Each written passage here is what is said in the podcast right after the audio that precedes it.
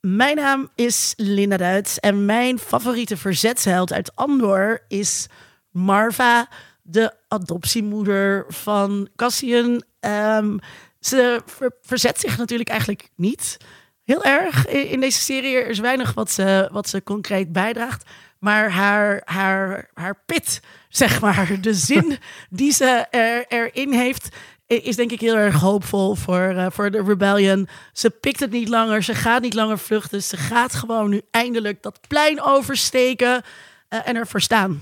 Ja, krachtige vrouw. Mijn naam is Randall Pelen en mijn favoriete verzetsheld, ja heel flauw, is toch Luthen? Is het Rael of Real of Ra- die achternaam die eigenlijk Volgens mij nooit wordt, wordt, wordt het nooit uitgesproken in de Het wordt serie. nooit. en het is eigenlijk heel simpel. Het kan om het plot gaan, het kan om zijn invloed zijn, maar het is voor mij om de one-liners. Deze man zegt dingen als: Do you want to fight these bastards for real? En eh, Do you want to die trying to be careful? Nou, daar ga ik hard op. Ja, Ja, ja, ik, Ja. Ben, er- ik ben helemaal hierbij hoor. Ja, Lutman echt een fantastisch personage. Eh, mijn naam is Emiel Willems eh, en mijn favoriete verzetsheld is eh, Leida. En zij is de, de, de shop assistant van, eh van Lute. En uiteindelijk zeg maar, gaat het niet over, denk ik, bij een verzet of je nou heroïs bent of allemaal zieke risico's neemt. Maar het gaat over eh etendiscipline. Uiteindelijk, ja. Je, moet, hebt to follow a system. En iedereen wordt sloppy op een gegeven moment. En als kijker is dat altijd is het vervelend, zeg maar. Het domme, dat mensen domme fouten maken. Maar zij is zeg maar meer aan mijn kant. En eh, ze snapt wat het, what it takes. Is zij echt ook de shop assistant of is zij eigenlijk de shop eigenaar, maar levert zij het, het, de front eh, voor Luthen? Ik, dat weet ik niet. Maakt het uit? Maakt uit. Maar ze zijn, het, is, het is voor hun allebei een front natuurlijk. Ja, Ja, fair. Mijn naam is Tom Amos en mijn favoriete verzetsheld uit Andor is Clem. Eh, de, de soort van de denker van de groep die de bankoverval gaat plegen. Eh, want ik vind hem gewoon heel erg aandoenlijk. Ik wil hem een aai over de bol geven. Het is echt een jochie. Maar hij heeft wel een soort van het vuur en de ideologie eh, eh, die, die Andor dan later ook nodig heeft. En in de laatste aflevering komt, komt hij dan weer heel mooi terug met zijn ideeën. het is een Dat- idee over vrijheid. Ja. Maar, en ik vind het ook heel tof dat hij het een speciaal soort van schrijft voor mensen als Cassian. En, eh, en je, je kunt eigenlijk, denk ik, geen eh, rebellion hebben zonder ideologie. Je moet op de een of andere manier mensen motiveren. En eh, mijn eh, masterscriptie gaat over, gaat over politiek gedrag. En het is heel ingewikkeld om mensen in beweging te brengen eh, ergens voor. Dat gebeurt niet zomaar. En ehm, die waarden die hij opschrijft, die spelen daar een belangrijke rol in. Maar niet trouwens eh, zo heel belangrijk als je denkt. Een van de, als je, het, als je het interessant vindt, een van de verrassende dingen was dat bijvoorbeeld zoiets als gezelligheid ook heel belangrijk is als je mensen aan het demonstreren wil krijgen. Wil je niet nog ruilen met Tom van favoriet? Nee, nee, nee. Eh, nou, daar gaan we het allemaal zo meteen uitgebreid verder over hebben natuurlijk.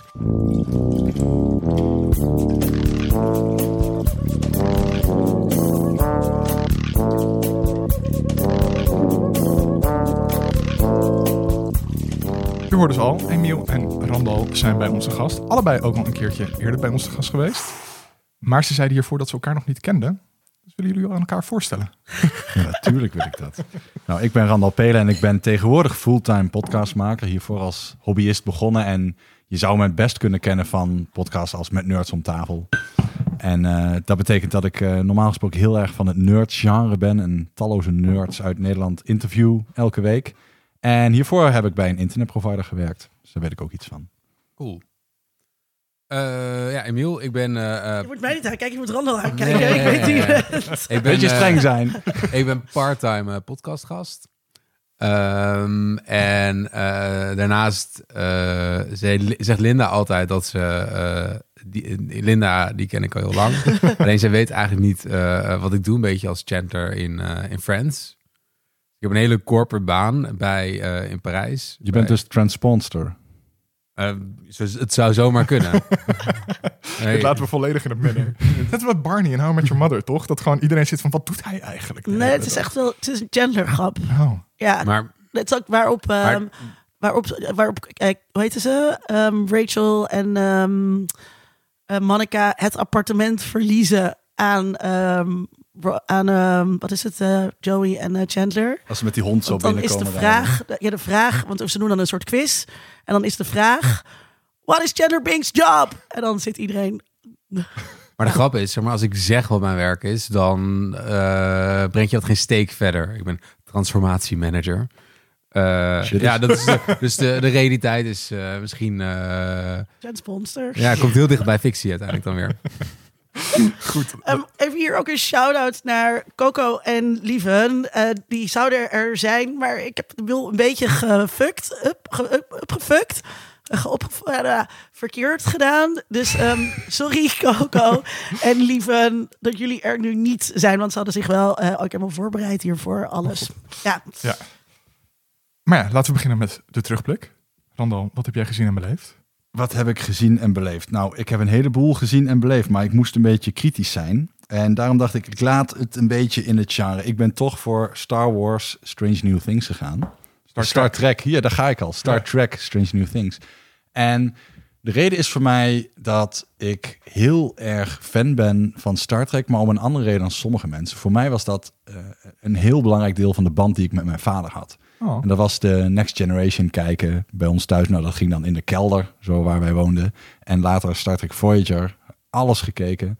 En ik was gewoon heel erg fan van dat genre, want als kind kon ik het een beetje volgen. Hè. Er was allerlei politiek aan de gang, maar er was ook een soort van elke aflevering wat nieuws aan de hand. En er was natuurlijk wel een overarching verhaal, maar dat deed er niet altijd toe. Je kon ook wel gewoon binnenhoppen en weer weggaan Ja. was toen heel belangrijk, want Star Trek was gewoon op tv. Op de films na. En de nieuwste Star Trek pogingen, eh, zoals eh, Discovery bijvoorbeeld, zijn heel erg gewoon een lang verhaal. Daar kun je niet gewoon hop-on, hop-off. als ja, dat zijn echt mo- moderne Ja, precies, series ja. met, met soort van een groot... Ja, met eh, extra lens flare valt me ook telkens meer op. ja, dat doen ze heel leuk. invloed van Abrams. En die films natuurlijk. Dus Star Trek Strange New Things is gewoon weer heel erg terug bij af voor mij. Daar voel ik me weer thuis. En dat komt vooral omdat het gewoon elke aflevering een nieuw verhaal is. De ene is een beetje cheesy. De ander is echt een tof verhaal. Wat, die die had een anderhalf uur langer mogen duren. Maar op die manier die verhalen vertellen... Ja, dan ben ik weer thuis bij papa in de armen. Aha, wat lief. heel schattig. Ja. Weet je nog andere dingen die je gezien had? Of was dit... Nou ja, ik heb ook een kerstfilm gezien op Apple TV+. Plus. En Oh. ik weet niet of ik jullie daar nou echt een groot Ik plezier ben mee dol doe. op kerstfilms. Dan zou het ook leuk zijn dat ik nog weet hoe die heet. Hij heet, heet Spirited. En dat is met eh, Will Ferrell en... eh, hoe heet deze man die ook eh, Deadpool speelt? Oh, eh, Ryan Reynolds? Ryan Reynolds. Ja. En ehm, toen ik dat zag, dacht ik... Nou ja, weet je, dit is een van de weinige kerstfilms... waar ik waarschijnlijk mee zou kunnen kijken... afgaande op de cast. En ik mijn vriendin dus ook een plezier mee doe. En er zijn heel weinig dingen die wij samen kunnen kijken. Oh. Dus dat is best wel kut. Maar was dit er eentje die jullie samen konden kijken? Ja, want het bleek een musical.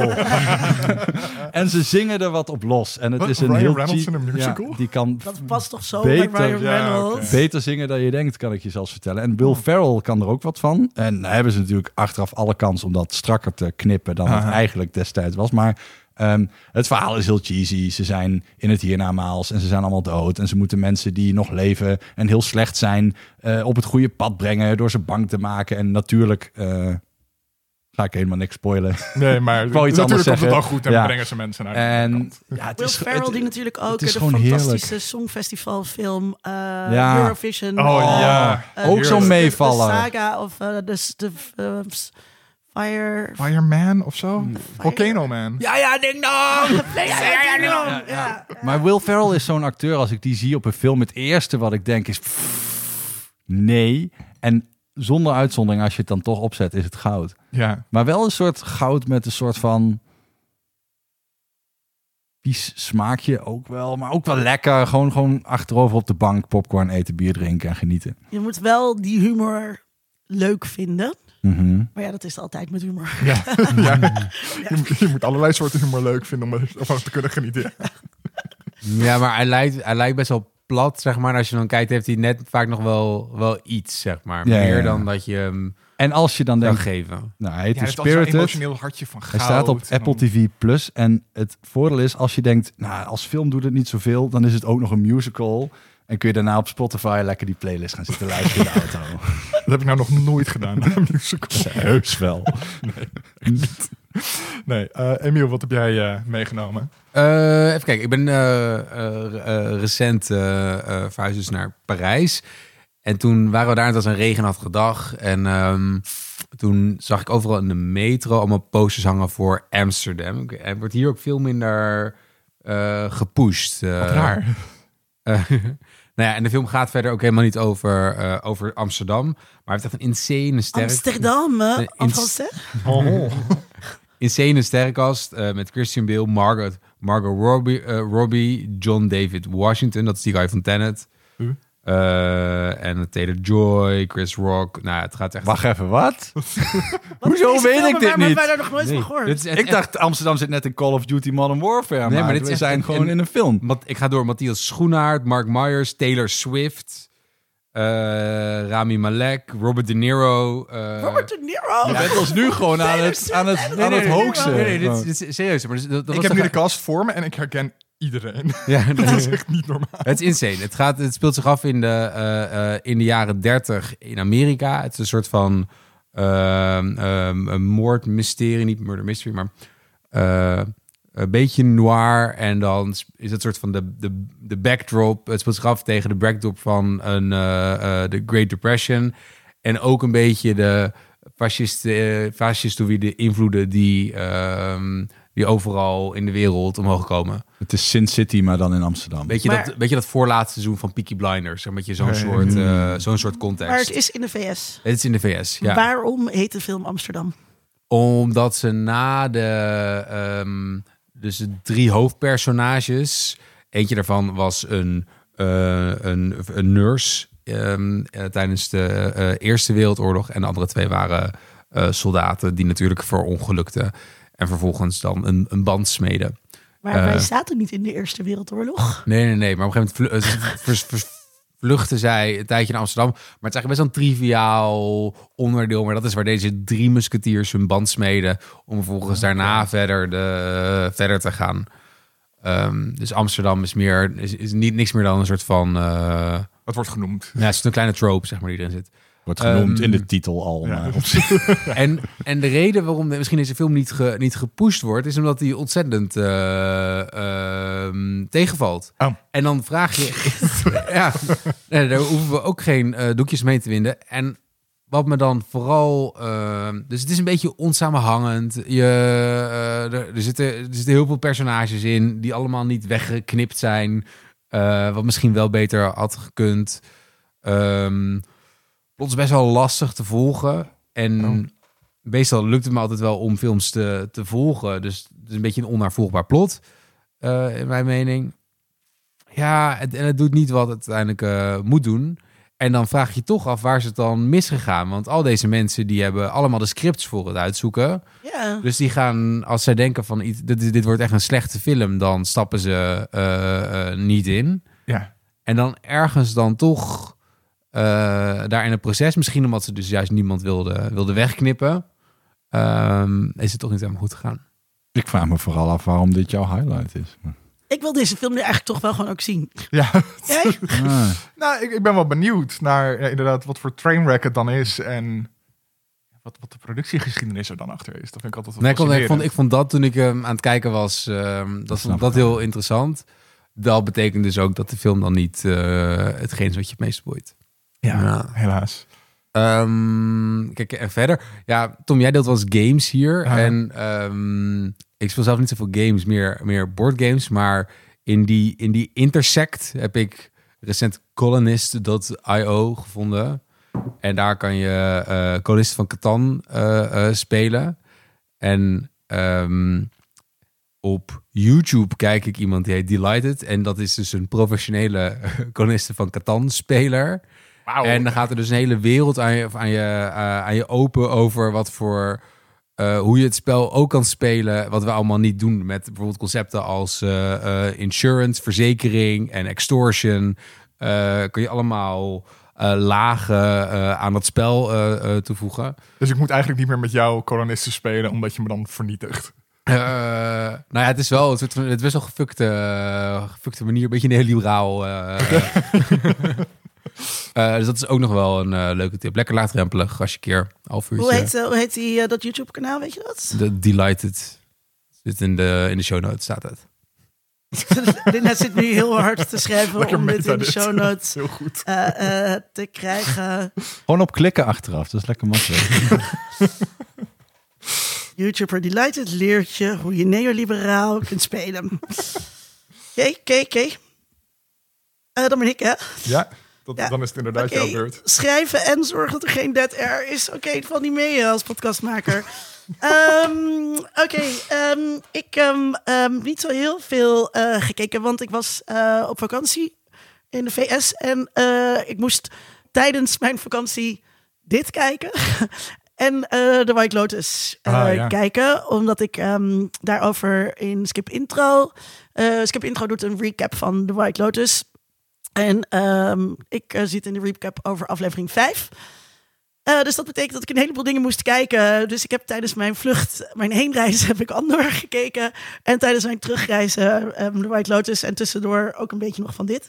Dus mijn eerste tip is eh, de, de White Lotus, of de skip intro over White Lotus.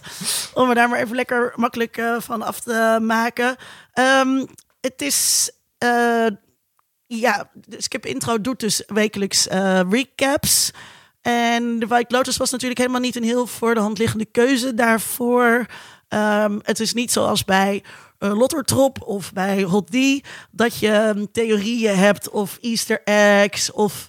Um, dat zit eigenlijk past niet echt bij de White Lotus. Maar ik heb ook die andere afleveringen geluisterd. Het is toch wel aardig. Wordt veel gespeculeerd over uh, wie gaat er nou precies dood. Dat is geen spoiler, want uh, daar begint... Tip intro is toch wel aardig. Getekend, uh, geeky dingen. Nee, nee, nee, nee, nee, nee, dat bedoel ik niet. Maar het is toch uh, wel leuk om de White Lotus toch te recappen. Uh, terwijl ik dat nooit zeg maar, als show had gekozen afgaande zeg maar, op het vorig seizoen. Ja, dus ook niet zo'n hype show zoals House of Dragon dat Precies. je voor recapte dan, Ja. dan was. Maar ik hoop, uh, om dit even goed te raken. nee, ja, het, het, het, ik vind het dus heel leuk om te luisteren. Niet helemaal wel aardig, ik vind het heel leuk om te luisteren. En misschien uh, helpt het ook wel om de White Lotus een beetje te hypen. Hmm. Uh, om, het, uh, om het zo te zeggen. Um, want hype daarvoor is, is op zijn plek. Um, en ik ben wel in de VS naar de bioscoop geweest uh, op een hele regenachtige dag. Ik was naar Wakanda Forever. Hm. En um, Sonny heeft hem natuurlijk de vorige keer uh, al besproken. Die was er um, heel teleurgesteld over. Dus ik ging met een. ja, met dat gevoel ging ik er ook een beetje uh, heen. Uh, ik was dus in New Orleans en de bioscoop zat vol met zwarte mensen. En dat, was, dat maakt denk ik de kijkervaring ook wel anders dan wanneer je hier zit in, een, in een theater met allemaal witte Amsterdammers. Um, Sonny zei, de film heeft geen humor. Daar dachten mijn zaalgenoten heel erg anders oh. over. Uh, dus die uh, er werd heel veel gelachen. Ook op, op momenten waarbij ik echt niet snapte dat dat een lachmoment was. Dus... Um, maar ook, ook in hindsight kon je niet de, kon ik, de grap ontleden. Vond ik de, vond ik de grap lastig. Ja, zag ik, zag ik de grap er niet. Um, dus ik had het er ook met een uh, vriend van kleur over. Die zei, misschien ben je gewoon te wit. Uh, want hij vond het wel ook een goede film. Misschien ben je wel gewoon te wit voor deze film. En dat accepteer ik gaarne. Um, Uh, ja, lekker het, buitengesloten. Uh, ja. Aan het einde uh, werd er ook geapplaudiseerd. Nou weet ik niet of dat gebruikelijk is in Amerikaanse bioscopen, maar volgens mij... Ja, jawel? heb ik wel vaker meegemaakt. Ah, Oké, okay. ja. En dit was, want het was uh, zaterdag om 12 uur of zo. Dus het was niet, niet een heel speciale voorstelling. Um, dus dus mijn, mijn kijkgenoten vonden het heel leuk. Um, maar hoe vond jij het? Ja, ik vond het niet zo erg als dat Sonny het vond. Die vond mm -hmm. de film wel echt heel zwaar. Maar ik, ik, ik was het gewoon. Ik begreep gewoon een aantal keuzes echt niet. En natuurlijk, het is Marvel. Um, het, het, is, het hoeft niet allemaal te kloppen of zo. Maar ze hebben er dus nu voor gekozen dat er nog een verborgen rijk is. En dat heeft dan te maken met de Maya's. Spoilerhorn is nog niet geweest. Nee, het is, nee, dit, dit het is geen trailers. spoiler. Dit, zit wel, dit is wel echt gewoon de beschrijving van de film, zeg maar. Hm. En um, ik had daar gewoon heel veel moeite mee. Waarom weer zo'n rijk en weer ook een rijk dat dan dus technologisch geavanceerd is? Um, Ja, en gewoon echt, echt voor mij te veel plot holes eh, om, om het eh, echt leuk te maken. Daar staat tegenover, eh, en dat was niet alleen omdat ik met allemaal zwarte mensen in de bioscoop zat. eh, ik vond dat ook bij ehm, Black Panther. Het is gewoon echt heel tof om die zwarte representatie te zien. Om gewoon een cast te zien die uit bijna alleen maar zwarte mensen bestaat. Of- En andere mensen van kleur in dit geval ook nog. Ehm, en dat doet wel echt iets ehm, met mij. Dat, ehm, eh, dus, nou ja, eh, ga naar de bioscoop en, eh, en hoe zeg je dat? Gaan we zien. Velg je eigen, vorm je eigen oordeel. Ik zit helemaal niet meer in mijn Nederlands. Oordeel Doe je zelf. eigen onderzoek. Dat, is eh, een, dat is de moderne manier eh, om het te zeggen. Eh, in, eh, in Amerika kwamen ook Nederlanders tegen die al echt weet je, drie jaar in Miami woonden. Maar die dan nu al praten zoals Paul Verhoeven. Weet je wel? Zo van, eh, Hey, hello, how are you doing? wat leuk dat jij ook hier bent om naar de wedstrijd Ja. te kijken. Dus nu ben ik, eh, doordat al het Amerikaans praten, ben ik nu ook mijn Nederlandse woordenschat helemaal verloren. Oh god, nee. oh god. Ehm, zelf speelde ik Pentiment. Dat is een, een nieuwe eh, game die uitkwam op Xbox Game Pass. En dat is een game waarin je... eh, nou ja, een, sommige mensen noemen het ook een visual novel. Want qua gameplay is wat je doet heen en weer lopen tussen mensen en met ze praten. Ik ben verkocht, ga door. Ja, maar waarom dit zo'n speciale game is, is omdat het eruit ziet als een 15e, 16e eeuws manuscript. Ik ben verkocht, ga door. Eigenlijk eh, eh, helemaal geïllustreerd is. En je speelt een kunstenaar in het Beieren van begin 16e eeuw. Ehm, en jouw... eh, nee, goed, ik moet even opnieuw pakken. Maar welke, dat- wat voor gameplay? Want ik denk nu een beetje die eerste versie van Treasure Island. eh, ja, daar zou je het wel een beetje mee kunnen vergelijken, maar dan mooier. Ehm het, het is, het is Point-and-click adventure snap ik heel goed met de Ja. muis, maar dit gaat met een controller. Ja, dit gaat met de controller, maar in plaats van dat je dan klikt op iets, dan loop je ergens naartoe. En dan druk je op A. Alleen ik ben gewend dat je soms niet weet waar je moet klikken. En dan zijn er van die Oh, dat is het geheime niet, plekjes. dat nee, nee, nee. Je ziet wel de punten waar je interacties kan hebben. Maar het verhaal is heel interessant, omdat je eh, dus je zit in een Beiersdorpje begin 16e eeuw. En op dat moment is er heel veel gaande in Europa. Het is begin van de Renaissance. eh, protestantisme komt op. Katholicisme is daar een reactie op aan het formuleren, maar weet dat nog niet zeker. Er zijn debatten over de relatie tussen de horigen en de adel en de kerk. En ja, Emiel zit me uit te lachen. Dit is fantastisch, vind ik. Je, je weet dat we niet in Ago zitten, toch? I know. Maar ik vind het heel vet om dat in een game te hebben. Want dat is precies waar die game over gaat. En jij moet daar keuzes in maken. Eh, al die spanningen komen tot botsingen op verschillende punten door die game. En jij moet dat zien te navigeren. Eh, en daar zelf ook een kant in kiezen. En dat is heel erg vet gedaan. Heel mooi. Ondertussen is het ook een soort murder mystery waar je de moord op moet lossen. Eh, dat is waar het eigenlijk om gaat. Ik maak nu het punt. wa- Wat de game eigenlijk is. Ehm, maar dat is een moord die je eigenlijk niet helemaal eh, goed op kan lossen. En het is meer dat jij dat gaat proberen op te lossen. En met de consequenties daarvan moet gaan leven over de 25 jaar die daarop volgt. En dat is super interessant. eh, waardoor je echt die gemeenschap goed leert kennen. Je eigen impact op die gemeenschap eh, eh, heel veel terugziet. Hmm. Eh, en ik vond dit helemaal fantastisch. Julian eh Ubachs van Tweakers, en die hier ook wel eens te gast is geweest, die omschreef het als het game-equivalent van een boek waar je soms met moeite doorheen komt. Dat snap ik helemaal als mensen dat gevoel hebben. Maar ik had het idee alsof deze developers een cadeautje voor mij alleen hadden gemaakt. Eh, ja, nee, echt. Ja, maar ik kon hier helemaal. Ik ging er helemaal aan op. Ik heb het gewoon vier dagen bijna non-stop gespeeld. En toen was het uit. En zat ik echt van: oh, dit is echt alsof ik net een heel goed boek heb uitgelezen. En nu me een beetje verloren voel. Ik game dus al heel lang eh, niet meer. Maar als ik jou over dit soort games hoor, dan dit zou ik echt heel graag willen spelen. Dit, dit, ik- kan, je, dit kan je heel makkelijk spelen. Je kan het gewoon op je PC installeren en het dan gaan spelen. Want je hebt hier echt nul gameplay skills voor nodig. Omdat het enige wat je hoeft te doen heen en weer lopen tussen mensen is. Oké, happy times. Ja. ja. Ik ben wel heel erg gecharmeerd van het idee dat je met consequenties moet leven. Want dat doet Ja. mij een beetje terugdenken aan wat Mass Effect 3 had moeten zijn. En ik heb nog Ja. steeds een gapend wond in mijn ziel ter grootte Ja. van een spel dat dat kan vullen. En dat hoop ik dan misschien hier te vinden, question mark. Ja, maar dit is ook van... eh, dan moet ik even de developer goed hebben. Eh kijken. Eh, sorry, daar. daar. Dit knip ik eruit. Ja.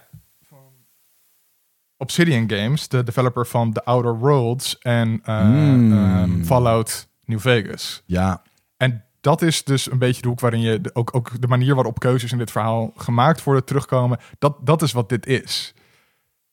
En dit is een soort van, een van die developers, die heeft gewoon een soort passieprojectje gehad over 16e eeuwse manuscripten. Maar qua keuzes en, en, en verhaal voelt het heel erg als van die andere. Obsidian games. Petje af. Ik had niet verwacht dat je deze binnen zou fietsen, maar hij staat nu bovenaan mijn to-do-lijst. Ja, de, de, de fiets is geparkeerd, netjes terug naar het rek ja. gezet. Ja, Na fijn. Elden Ring. na, na, na al, alle dingen die hem voor mij interessant maken. Ik had misschien moeten beginnen. Obsidian Games eh, heeft een nieuwe hele vette game. Een soort Fallout New Vegas, maar dan heel erg lang. Maar dan in een middeleeuws manuscript. Ja, eh, dus dat. Heel vet. eh hele goede tip. Ehm, en ik heb ook The Little Drummer Girl, gekeken op HBO Max. En dat is een spionage thriller van eh, Park Chan-wook, de regisseur van Decision to Leave, The Handmaiden en Oldboy. En die heeft dus een paar jaar terug een serie gemaakt voor HBO met eh Florence Pugh, Alexander Skarsgård en Michael Shannon. Zei je daar Alexander Skarsgård? Ik zei daar Alexander Skarsgård, deze is voor jou. Ik glij even van de stoel af. En het is een hele Ik hoor dat hij luistert naar deze podcast, maar heeft nog steeds niet gebeld. Dus uh, Oh, misschien moet ik nog een keer mijn nummer herhalen. Alexander is 0641. Nee. Ja. Uh, en uh, het gaat over uh, nou, uh, spionage en undercover gaan. En hoe mensen zichzelf daarmee kunnen verliezen. Omdat je dan niet meer weet op een gegeven moment. Ik ben undercover bij mensen. Ik geloof eigenlijk nu in hun zaak. Maar ik ben ze aan het verraden. Het is een hele wrange. soort van claustrofobische uh, spionage thriller. Die zich afspeelt in de jaren 70. En de jaren 70 zijn ook echt prachtig in beeld gebracht. Met alle gebouwen die we nu zien als oud en tacky, dan in hun volle modernistische glorie. Uh, dat is heel vet om te zien, al die uh, productiedesign.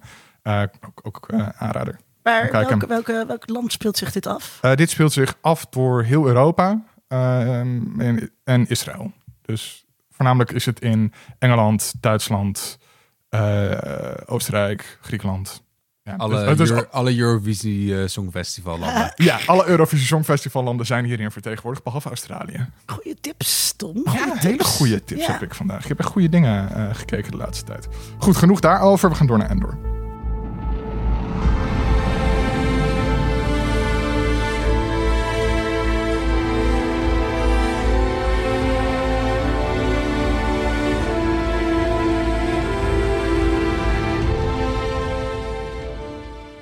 Waren jullie al fan? Spoilers, spoilers. spoilers. Oh ja, spoilers. Eerst spoilers, eerst spoilers. En door spoilers. En door spoilers. Ja, dat, dat spreekt ook wel een beetje. Ook voor alle andere Star Wars films komen er spoilers voorbij. Ja. De plannen ja. voor de Death Star worden gestolen in Rogue One.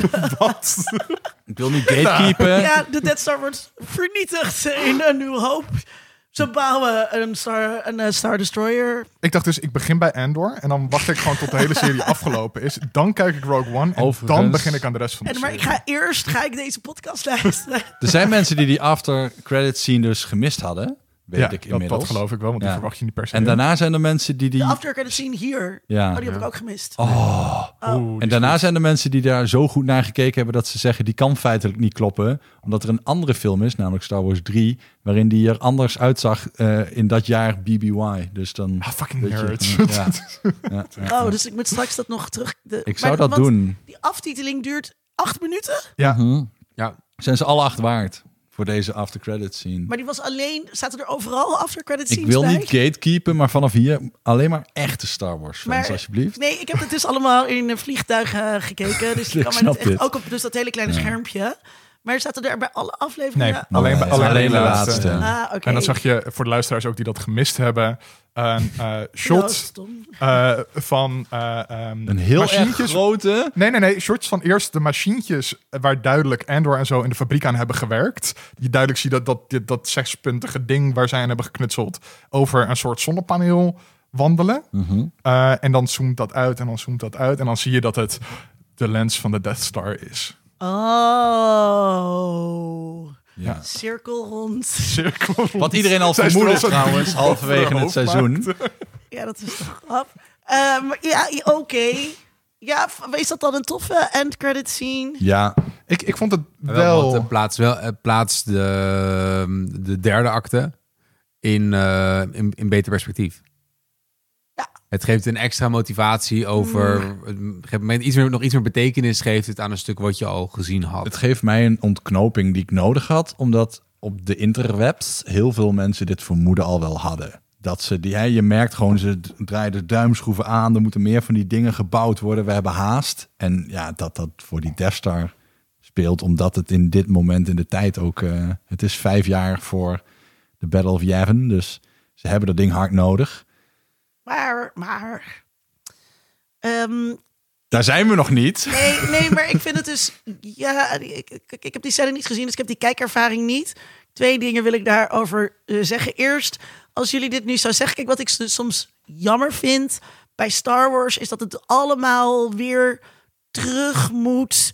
Dus wat zo, wat zo jammer was in die laatste trilogie, dat het dan toch weer een dynastie is met Skywalker. En hier vond ik het jammer dat het dan toch weer daaraan gelinkt moet worden. Het was ook prima geweest als ze daar onderdelen hadden gemaakt voor Battle anders, ja. Droids, Nee, maar- voor iets heel anders. Nou, maar ik heb dit toch- gaat niet over de originele trilogie. Dit gaat over hoe Endor, eh Cassian Endor, uiteindelijk in Rogue One terechtkomt. Nee, Zo heb ik maar, deze nee, maar dus gezien. dat, dat ze dan onderdelen maken voor de Death Star. Dat, was voor, dat zou voor mij dan niet hoeven. Ze ook- Nou, maar ik ik vind het wel interessant omdat het ook wat meer inzicht geeft in soort van de infrastructuur van de Empire.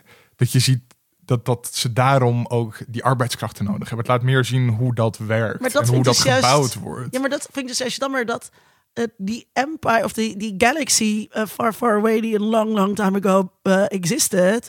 Daar gebeuren heel veel dingen, lijkt mij. Terwijl wat wij steeds voorgeschoteld krijgen, is een soort rode draad verhaal. Hmm. Ehm, eh, terwijl, ja, ik vind het dus juist interessant om te zien wat er op die andere plekken op zou gebeuren. Daarom is die Mandalorian zo leuk.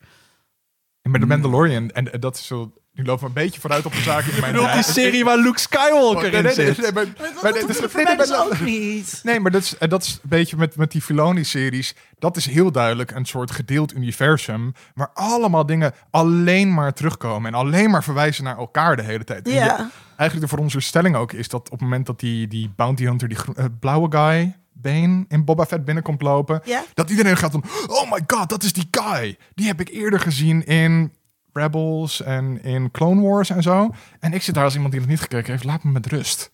Ik ben het om andere redenen met Linda oneens. Oké. Maar ik wacht, probeer op mijn beurt te wachten. Maar Linda, de hele story arc van deze serie eindigt naar eh, Rogue One. En je weet dus dat...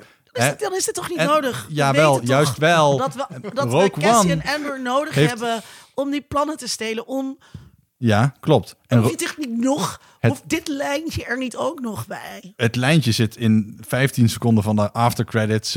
Die makers hebben zich in zitten houden. 12 hele lange afleveringen lang. En de rode draad van de serie is deels hoe de voet van het Empire steeds verder in die nek wordt gezet van verschillende planeten. En dat je die ontknoping even mag voelen is gewoon heel erg lekker. Ja, oké. Nou goed, ik zal verder niet. Ik zal verder inhouden. Het tweede wat ik hier af wil zeggen is: dus het is een hele rare kijkervaring. Misschien is dat dan een bruggetje voor jou. Oké, een hele rare kijkervaring om dus iets in een vliegtuig eh, te zien als je niks kunt opzoeken. Oh, lekker. Nee, ja. Ja. dat is dus heel gek. Waarom? Oh, omdat, omdat je dus niks kunt Maar opzoeken. zit jij Je normaal kunt- heel, heel maar- veel van te googlen Ja, maar Linda, je kan toch gewoon eh, internet bijkopen bij de Koninklijke Luchtvaartmaatschappij? Dat, eh, dat, dat had ik inderdaad eh, kunnen doen. Dankjewel, medewerker van KLM Erfgas. Ja, maar, maar ik, ik heb dus helemaal niet de neiging gehad bij deze om heel veel dingen op te zoeken. Anders dan een keertje de cast. Van, oh ja, kut, wie was dit ook alweer? Nou, of was dat, had, was dat ik hetgene dus wat jij bijvoorbeeld, ik werd dus gisteren door Coco erop gewezen dat uh, Mon Mothma eh, dezelfde Mon is. eh, als die Hmm. Je weet wel, die ene Mon Mothma. Zit. En daar was, ik, daar was ik dus wel achter gekomen als ik dat misschien op een iets groter scherm had gekeken. Hmm. En, ehm, en want ik zoek, ik ben niet iemand die heel veel opzoekt, maar ik kijk altijd wel naar de cast. En ehm, ik lees vaak wel recaps op Vulture. eh, om te zien of er dingen zijn die ik gemist heb, ja. bijvoorbeeld. Ehm, ja, dat, ik vond dat wel. Maar help de luisteraar even, want ik weet deze verwijzing, maar Mon Mothma... Mon Mothma is de senator eh, met het eh, kortere rode haar, die we in fantastische outfits trouwens eh, eh, zien. Ik zat in het vliegtuig naast eh, een vriend die helemaal niet geïnteresseerd is in science fiction. Zij zaten ondertussen een film over eh, een van een modehuis te kijken. En hij keek even op mijn schermpje en hij zei: Kijk je ook een fashion ding? Ik zei: Nee, het is Star Dit is gewoon Wars." Star Wars. Star Wars heeft fashion. Ehm, ja, Star Wars heeft, heeft heel erg fashion hier. Eh, dus die senator met dat korte rode haar. eh Mon Mothma is eh, later wordt zij eh, een van de mensen in de council van de rebellen. En in Rogue One is eh, eh, zij dan degene die ook het bericht moet doorgeven aan, ehm, hoe heet zij ook alweer? Eh, de, de, de, de hoofdrolspeelster van Rogue One. Oh ja, eh Jin Erso. Jin eh, dat ze geen rescue mission, dat ze niet die, die missie gaan doen. Ehm, ja, ik heb, ik heb net Rogue One ook nog weer gekeken en dan is dat, is dat weer heel duidelijk. En dan gaan Jin en, en Cassian alsnog die missie wel doen om ehm, naar die planeet te gaan om de plannen te stelen. Nou, bla, bla, Maar bla. zit ook in episode 4, toch? Er zit Ja. ook in episode 5, dan wordt ze gespeeld door een andere actrice. Die er wel op lijkt.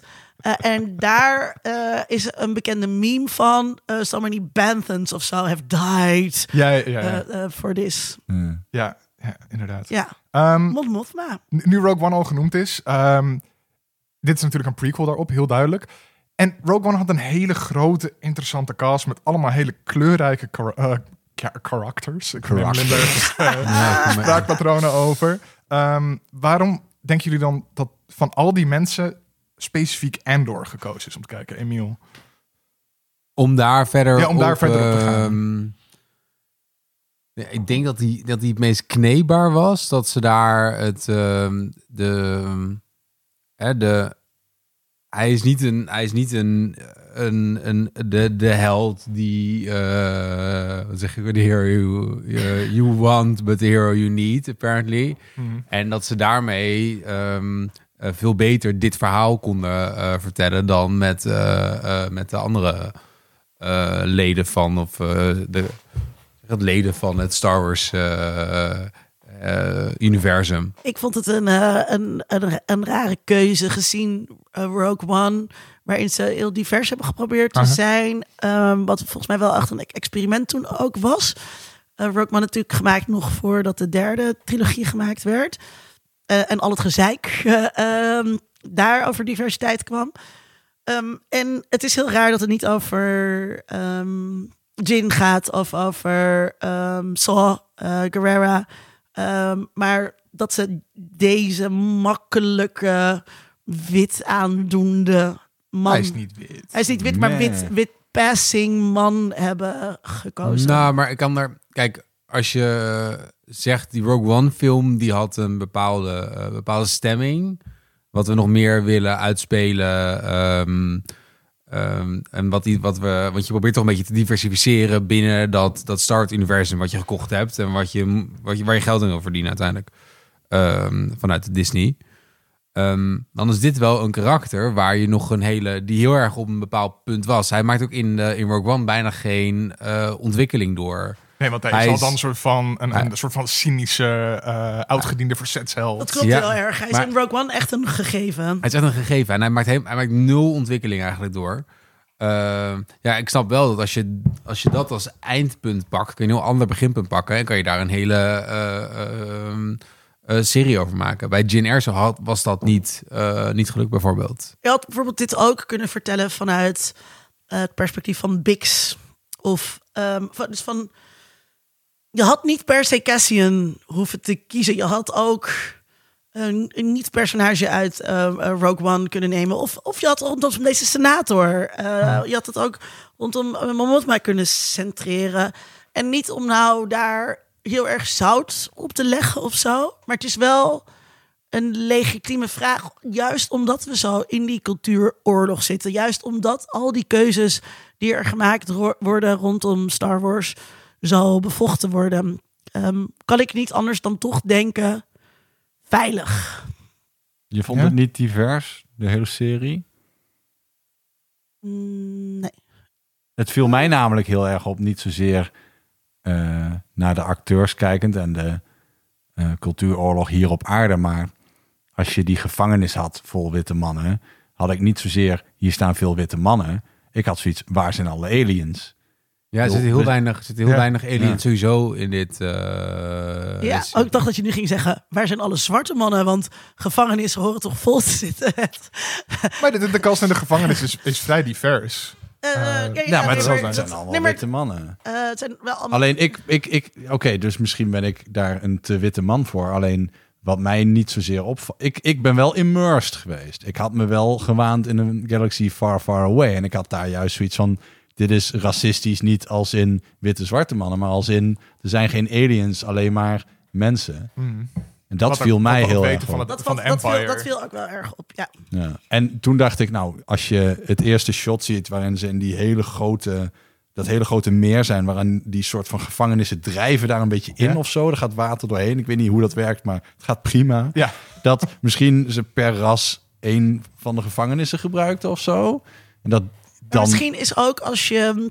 ehm het gaat dan heel eh, racistisch klinken. eh, die vismensen, die, wat Admiral, Admiral Akbar ook is. Ja, Ik weet niet hoe zijn soort heet. Hoe heet zijn ras? Volgens deze mij afslag is een trap. Volgens mij, Maar, volgens mij heten ze calamari. Ja, maar ja, oké, om het nog racistischer te maken, inderdaad. Lach je het nog ook uit? Want Oh, volgens dus, mij klopt eh, dat inderdaad. Die kan je dus niet zomaar laten werken aan het in elkaar schroeven, want die hebben... Ja, die kunnen Flap, zwemmen. ik zit hier nu flap tegen. Ja, die visbeesten kunnen niks, joh. Waarom Mag je racistisch zijn naar de vismensen in Star Wars? Laat ons weten via Vriend van de Show. Wat een wending heeft deze show genomen. Nee, maar Tom, nee, vond jij... ehm, want ehm, ik had die vraag wel opgeschreven. Waarom, waarom, waarom eh, Cassian? Wat vond jij daarvan? Ik snapte de keuze wel, omdat Cassian in Rogue One heel erg symbool staat voor die verharding van de rebellion. En dat überhaupt dat idee van dat, dat je een stukje van je menselijkheid op moet geven om dat soort werk te kunnen doen. Het eerste wat we hem ook zien doen in Rogue One is volgens mij iemand gewoon in koele bloeden neerschieten. De, de, t- twee star- stormtroopers en de informant. Ja, Ja. ja, dus hij is gewoon gelijk gewoon deze man vermoordt mensen voor de rebellion. Dat is gelijk duidelijk. En dat is heel erg een idee waar deze serie mee speelt. Dus ik snap heel goed Ja, dat heeft hij hier moeten leren.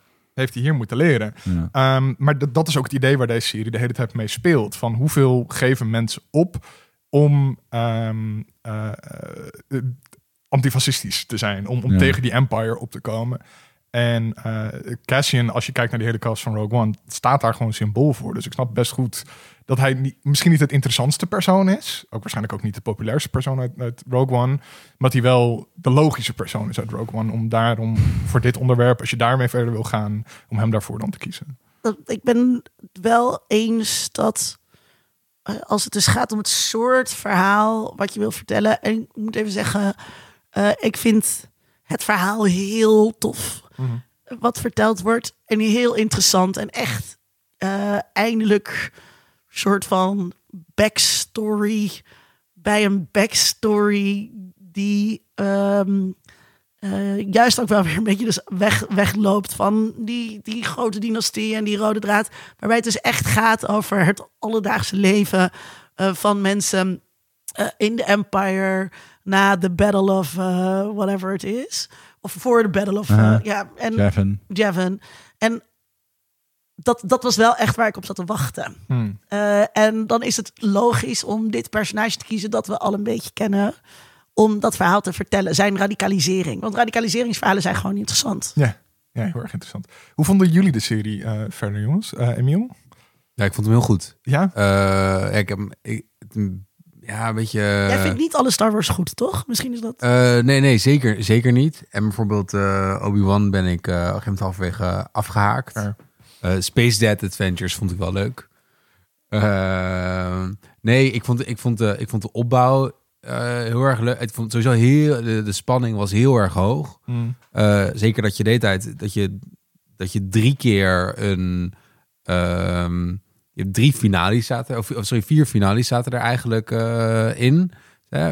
Dat vond ik ook, dat, terwijl het toch helemaal niet voelde als een soort van volledig action-packed. Wat, eh, wat bedoel je? Vier finales, nou, je hebt, zeg de maar, je- heist, de... ja, ja, ja, bij, je hebt, bij aflevering drie heb je de ontknoping op Ferrix. En dan heb je de, de heist, de, de prison breakout. En One dan, way eh, out. en dan de laatste is de begrafenis. de begrafenis. Ja. En Je de, de, de, de First Rebellion, zeg maar. Of de, Ja. de First Uprise. Eh, ja, die structuur, dat, dat sprak me heel erg aan. Ehm, het beetje House of Cards eh, idee eh, kreeg Mm. ik er ook een beetje eh, van. Dat vond ik ook wel heel De leuk. Matma-scènes. eh. Ja, maar ook met Lutte. Je ziet zeg maar echt Mm. hoe, de, hoe de pionnen op het schaakbord worden langzaam worden gepositioneerd. Je kan ook slim kijken. Dat je op een gegeven moment ziet van, oh, dat gaat daar gebeuren. Of dat daar. Eh, ja, dat, dat vond ik allemaal hele leuke elementen. Vond je ook niet dat het in principe drie series hadden kunnen zijn. Als ze minder afleveringen per seizoen deden en wat met die personages hadden geschoven. Wat dan? Drie, Want drie, drie series? ik denk dat het heel erg mooi eh, steeds per drie afleveringen een soort van verhaallijn was. Dus hè, wat je zegt, vier ontknopingen klopt daarmee. Eh, je had eigenlijk ook vier planeten waarop het zich afspeelt, als je het zo wil bekijken. En ja, Cassian Endor is eigenlijk toevallig de grote verbindende factor, maar het had op zichzelf kunnen staan, elk verhaal. Ik, vind het dus, ik vind het dus juist leuk ehm, dat, die, dat die verschillende verhaallijnen erin gebracht werden. Ik, ik hou niet zo van heistfilms.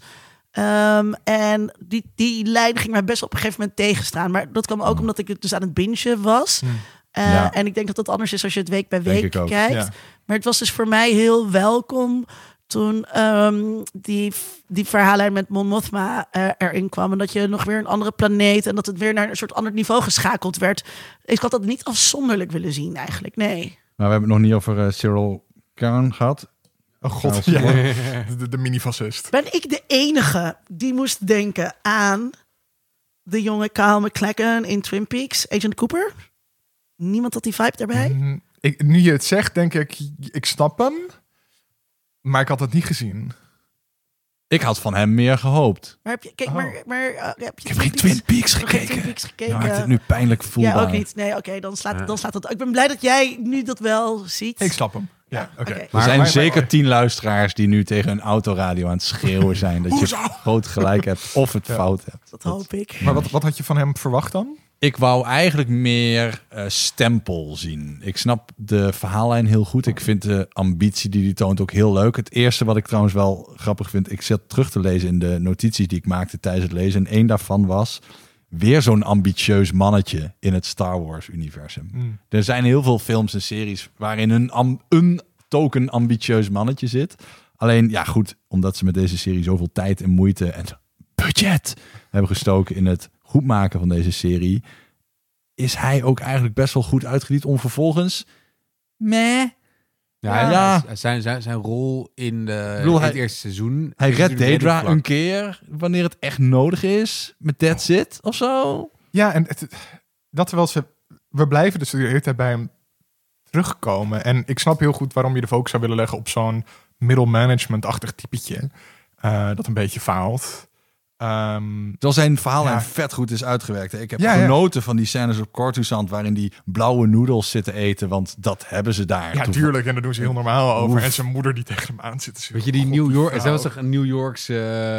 Ja, Jo- heel, die eh, New Yorkse Joodse moeder die ja, heel erg teleurgesteld was. Ja, ja, ja. Ja. Maar klopt, het was, het, eh, zeg maar, het was set up for something Ja. greater than... eh, Haar oprapen als ze viel. Ja. Ja, nee, nee, klopt. Dat was inderdaad een, een Want in de begin, op een gegeven moment zat hij ook bij die Bureau of Standards. Ja. Mhm. En je zat dan denken van, oké, maar wat voor informatie komt hier dan Ja. doorheen? En hoe gaat dat dan weer terug Ik had er- naar de... oprecht mee kunnen leven als er een scène zou zijn geweest waarin hij letterlijk een dolk in de rug van Luthen steekt. Dat ik had gedacht, ja, Ja. dat, Ja. dat klopt wel Ja, maar of dat hij iets doet met die informatie die hij krijgt, of ik weet ik veel. Ja, nee, maar Linda? Ik, ja, ik, ik vond dus, ehm, je, ziet het, je ziet het bij hem, eh, ehm, of zijn verhaallijn is, een- is een beetje uitgewerkt. Ik vond dus ook, eh, eh, hoe heet ze, Deirdre, Ja.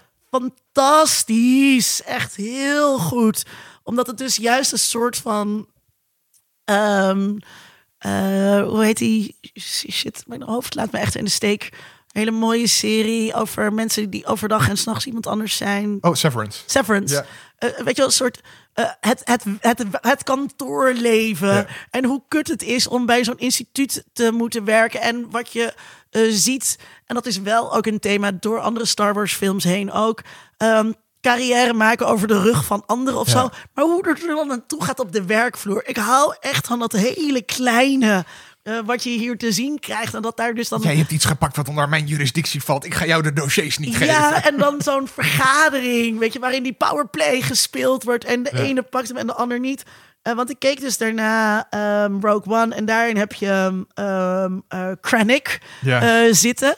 En eh, als we eerder eh, die, die, die medewerkers van Empire zagen, dan waren dat vaak zoals, zoals Krennic, een beetje doorgedraaide, eh, eh, bijna eh, ja, soort van parodie, parodie, parodieën op nazi's, Ja. zoals we die kennen uit bepaalde films. Terwijl juist met, eh, met Deirdre en, ehm, Cyril?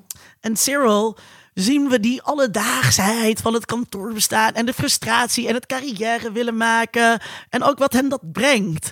Dus ik Ja. vond dat echt een van de allersterkste punten van, eh, van deze serie. Ik vond daar ook wel eh, heel goed aan dat je, je gaat bijna voor de route in die eerdere aflevering. Dat je Ja! van, ja, daar, daar pak ze. Ja. Eh, en dan in die laatste afleveringen dat ze dan op Fergus is, zit je ineens van, oh, no, kut. Komt dat, komt dat niet ook omdat ze een vrouw is, denk je? Nee. Misschien. Ze Ze, lijkt op de manier lijkt sympathieker dan haar, haar. collega's. Terwijl zo, voor zo iemand als die Krennic, eh, maar ook Ja, die, die is overduidelijk een psychopaat. Zo wordt hij ook wel Ja, ingestoken. maar, maar ook dus voor, eh, voor ehm, eh, Cyril heb je niet automatisch, heb je, heb je weinig sympathie. Terwijl Nee. die Deirdre, die terwijl ze speelt hem strak, ze speelt, eh, ze speelt haar strak, ze speelt haar echt wel echt fascistisch. Ja. En toch zit je als kijker, of zat ik ook voor haar te routen. Maar had, je, had jij daar ook niet dat, dat, dat er zo'n kantelpunt kwam? Dat je ineens was van, oh ja, kut. Nee. Nee, helemaal niet? Ik vind het zo knap van wat Linda Duits soms doet bij mij. Dat ik in eerste instantie denk, omdat ze vrouw is. pff, wat is dit nou weer voor... dit- Omdat ze een vrouw is, ja. Waarschijnlijk wel. Misschien toch wel. Ja, Ja, ja, ja, ja. ja, Eh, hoe, hoe vinden jullie dit? Maar, dit- dat, maar, had je, want maar had je dat dan? Want je had ook sympathie voor haar. Ja, heel erg. En zeker, eh, er staat een blik van haar die ze een aantal keer heeft op mijn netvlies gegrift. Zo van, zo'n die mondhoek omlaag ja, gaan ja, en zo baalt. En wat ik heel tof vind in haar karakter is dat dat de momenten zijn dat ze keihard terugslaat of uithaalt of, of gewoon doorpakt. En nou ja, meestal ook succesvol. Ja, ik vind dat heel erg mooie momenten. Ja. En ik vind, en zeg maar over haar mimiek wordt heel, dat, dat acteert ze heel goed, vind ik inderdaad. Dat soms dan heeft ze zo'n, die, die blikken die ze dan daar, eh, die ze af en toe uitstraalt. Ja. Was dat we dan aan het kijken waren, dacht van wauw, ja, dat is wel eh, ja, en ze straalt heel goed uit ambitieus hoe, en eng tegelijkertijd. zeg hoe, maar. hoe, hoe dicht de Empire eigenlijk toch op de bal zit. Weet Ja. je wel? Want je komt er niet zomaar mee weg. Nou, zij, zij is ook wel gewoon. eh, zij is de eerste, of het lijkt alsof zij de eerste is, die eh, gaat zien: hé, hey, wacht eens even. Er is hier een georganiseerde rebellion gaande. Het gaat niet alleen maar over eh, wat loslopende dieven. eh, hier, her, her, en der die stukken van waarde stelen. Nee, er, er, is, er zit een plan achter. En er oh. zit een plan achter dat ze dit op verschillende plekken doen die niet op het eerste oog met elkaar in verband te brengen zijn. Maar de, want aan het begin, toen we het even hadden over de, ehm, hoe noem je dat, de laatste scène bij de aflevering 12, Post-credits Ja, scene. de, de scene, dan, hadden- toen, toen zeiden jullie van de radicalisering van het, van het verzet. Maar gaat deze serie niet ook over de radicalisering van The Empire eigenlijk? Oeh. Want de, ehm, want je zei van, ze, hadden die, ze hebben die Dead Star dan heel snel heel erg nodig. Maar je ziet ook dat daar, dat, dat die mensen eh, bij de ISB, de geheime dienst, dat die een, een hardere grip willen en eigenlijk ook precies doen wat Luton eh, eh, plant. Ja, maar dat is natuurlijk inderdaad precies hoe Luthen zijn verzet insteekt. Ja, daar hij, gaat- is, hij is een accelerationist. Dus hij wil een soort van de onderdrukking nog heftiger maken, zodat het verzet nog heftiger wordt. En pas daarmee in zijn plan kan je, kan je de Empire kapot maken. Hij, hij benoemt dat ook in een van die one-liners die ik niet in zich heel paraat heb, maar dat hij echt zoiets zegt van, hè, als ze je een halt toeroepen op straat, rings in the air, doesn't it? Maar dat Wel- is, dat is ehm, De verharding van de Empire is het, het hele motief van de serie. ja. je, moet, je moet mensen eh, in, bewe- in beweging dus krijgen. Dus ja, verslechtering, verelending. Marx eh, eh, eh, schreef er al over. Soms moeten dingen nog erger worden voordat mensen eindelijk gaan protesteren. Maar dit is het Ja. voorzetje. Van, Luth- Luth- Luthen is volgens mij dus een Marxist. en ehm, eh, we hadden aan het begin. Kameraad Luthen. Kameraad Luthen. En aan het begin toen. ja, Tom's, en dus een good guy. Huh? Tom's vraag was: van, wat is je favoriete verzetsheld? En we bespraken dat heel even voor. En toen zei Emiel al, eh, misschien wel Deirdre. En dat had ik ook gekozen als een soort van backup. Ehm, dus misschien, misschien ik moet jij even zeggen van waarom, waarom is er eigenlijk een verzetsheld? Nou ja, mm, Want dat is toch dit, dat heeft toch te maken met zij maakt het erger. Of niet? Ja, dat weet ik niet. Ik denk niet dat zij... ik denk Dat zij nog wel gerichte, strakke, rigide aanpak eh, eh, wil. Nee, ik, ik, ik vond haar gewoon een hele go- fijne actrice om naar te, naar te kijken. Nou, voor, voor mij is het dus wel, dus degene die het erger maken, dus degene die de executie eisen van eh, eh, zoveel verzetshelden. eh, dat, dat maakt eh, aan de ene kant drukt dat het verzet de kop in, maar aan de andere kant maakt dat het verzet natuurlijk groter en krachtiger. Ja. En ehm, dat, dat, is, dat is wel wat je hier ziet gebeuren. Mag ik een vraag stellen over jouw, wat was het? Promotie, onderzoek, schrift, Nee, dat ding, was gewoon mijn scriptie. scriptie. Dat eh Luthen eigenlijk best wel expliciet maakt voor de oplettende kijker. Dat hij zegt, er is nu een kantelpunt gaande in de verharding van de Empire. Waarna mensen gewoon breken. Gewoon denken, nee, dit willen we niet meer. Daarvoor kon je er nog bij neerleggen. Dit is gewoon, ja, dat wordt natuurlijk heel erg tot een soort van apotheose gebracht. Eh, Heel expliciet en best wel snel op, hoe heet de planeet? Waar allemaal- Ferrix. En ben je het met hem eens? Nou, wat ik, wat ik heel interessant vind, en ehm, wat ik net nog zeg, um, uh, Luthen slaagt erin bij Cassian Andor niet uh, omdat hij, uh, als hij met Cassian praat en hij probeert hem over te halen voor de goede zaak, dat heeft allemaal geen effect. Mhm. Hij kan hem alleen maar inhuren. Maar dan um, zit, wordt Cassian naar die gevangenis gestuurd. En daar komt hij erachter dat die straffen. Uh, die, die, die, die zijn verdubbeld en er is een speciaal order uitgevoerd. En als hij dan binnenkomt, dan zeggen al die gevangenen: um, hoe wordt er in de buitenwereld hierop gereageerd? Het verzet moet toch heel erg groeien. En, en dan heeft Cassian er nog nooit van gehoord. En dat is volgens mij een heel krachtig moment. En als hij uit die gevangenis komt, dan wil hij ook uh, dat verhaal vertellen. Dan is hij in één keer onderdeel van het verzet geworden, omdat hij belangrijk vindt dat dat naar buiten komt. Nou, dat wijst dus op verschillende uh, dingen. En één daarvan is dus uh, iets wat in Star Trek eigenlijk niet zit. En wat wel eens over gehad en in Star Wars eigenlijk ook niet zit. En dat is uh, media. Dus de rol van uh, media hier, hierin. Dus hoe wordt zo'n conflict geframed mm. in de media? Hoe wordt verslag ja. gedaan van zo'n maatregel? En dus op het moment dat er een decree wordt uitgevoerd van iedereen's gevangenisstraf uh, wordt verdubbeld, is, hebben de media mm. um, in die galaxy daarover mm. gerapporteerd? Of is het echt iets wat mensen helemaal niet weten? Hebben ze daarover gerapporteerd vanuit een law and order perspectief? Wat heel erg hè, is hoe de Empire, want soms ja. zie je, uh, uh, dat zie je dus bijvoorbeeld op Ferrix, um, dat dan een soort uh, aankondigingswagen van de Empire over straat. Ja rijdt van nu is de Empire hier. Wij staan voor law and order. Wij komen voor goede dingen. Dus hoe zoiets geframed wordt, is dan dus heel relevant in of mensen zo'n rebellion gaan joinen. Maar hij heeft ook een hele arbitraire straf gehad. Dat ja. komt er nog eens bovenop. Hij heeft een arbitraire straf gehad. Hij verzet zich en dan, uh, en dan krijgt hij hem geloof ik dubbel. Ja. Mm -hmm. uh, dus dat speelt ook nog eens een keertje mee. En niemand die daar dus over schrijft. Er is geen Amnesty International die dit soort wandaden aankaart. En, en dus uiteindelijk heeft Luthen gelijk. Want um, Cassian Andor was nooit geradicaliseerd als hij niet in die gevangenis was mm. geweest waar hij erachter kwam dat die straffen waren verdubbeld als mm. resultaat, als, als letterlijk als resultaat van dat, uh, dat stelen van al die, uh, van al die coins. Ja, dus, dus uh, Cassian moet echt soort van kicking en screaming het verzet ingetrokken worden, blijkbaar door het onrecht dat, dat hij ondergaat. maar we zien ook andere personages natuurlijk hele andere keuzes daarin maken en ook niet alleen of ze het verzet ingaan, ja of nee. Maar ook de manieren waarop ze dat verzet doen en wat ze daar dan inderdaad voor opgeven. Uh, bijvoorbeeld Mon Mothma. Uh, dat vind ik eigenlijk een van de interessantste karakters op dat gebied.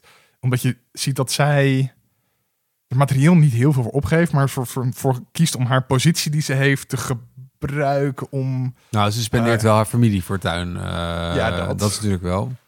En Eén vraag over mijn mond, maar aan het, ja. aan, het, aan het eind. Wat denken jullie, zeg maar, in, op een gegeven moment in de, uh, in de laatste aflevering...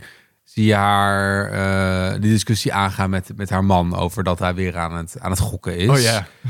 En, mm, en daarna zie je op een gegeven moment dat ze alsnog die introductie doet met die, uh, ja. met die foute bankier, zeg maar. Of die... ehm, ja. En... En want in eerste instantie, als je die taxi, als je die scène ziet met die, bij die chauffeur, hè, dus zeg maar, uh, uh, zij beschuldigt haar man, ze heeft een probleem met dat ze eh, geld uit de familiefonds heeft opgenomen. En ze kan het niet verklaren als de Empire gaat kijken. En dan vervolgens dan is dat een van de grote problemen in haar, in haar arc. En dan bij de laatste aflevering zie je dat, ze, dat eigenlijk dat zij... Hmm. Nu, je bent Nee? er nu mee... Nee, omdat wat ze zeggen over dat gokken, was ik in eerste instantie heel verbaasd over. Maar dat is dus een act. Nee, nee, nee, Want dat- de Nee, nee, chauffeur nee, zit tuurlijk, dat te tuurlijk luisteren act. en dan Ja, tuurlijk, doen ze van... Ja, maar, Dus, maar je zou zeggen, ik, in eerste instantie dacht ik van, oh, dat is haar way out. Zodat ze Ja. niet haar eigen dochter op haar, die 13 is, volgens mij bijna 14, Ja. eh, dat ze die niet hoeft uit te Ja, Ja, daar zit weer anders haar man achter. om ervoor te zorgen dat inderdaad dat ze dus haar dochter niet hoeft uit te en huwelijken. vervolgens zie je dan aan het eind dat ze het dan alsnog Ja. doet. En is dat dan omdat ze alleen met die leugen maar eventjes tijd koopt bijvoorbeeld? Wat je daarna ook ziet in die scène bij de ISB.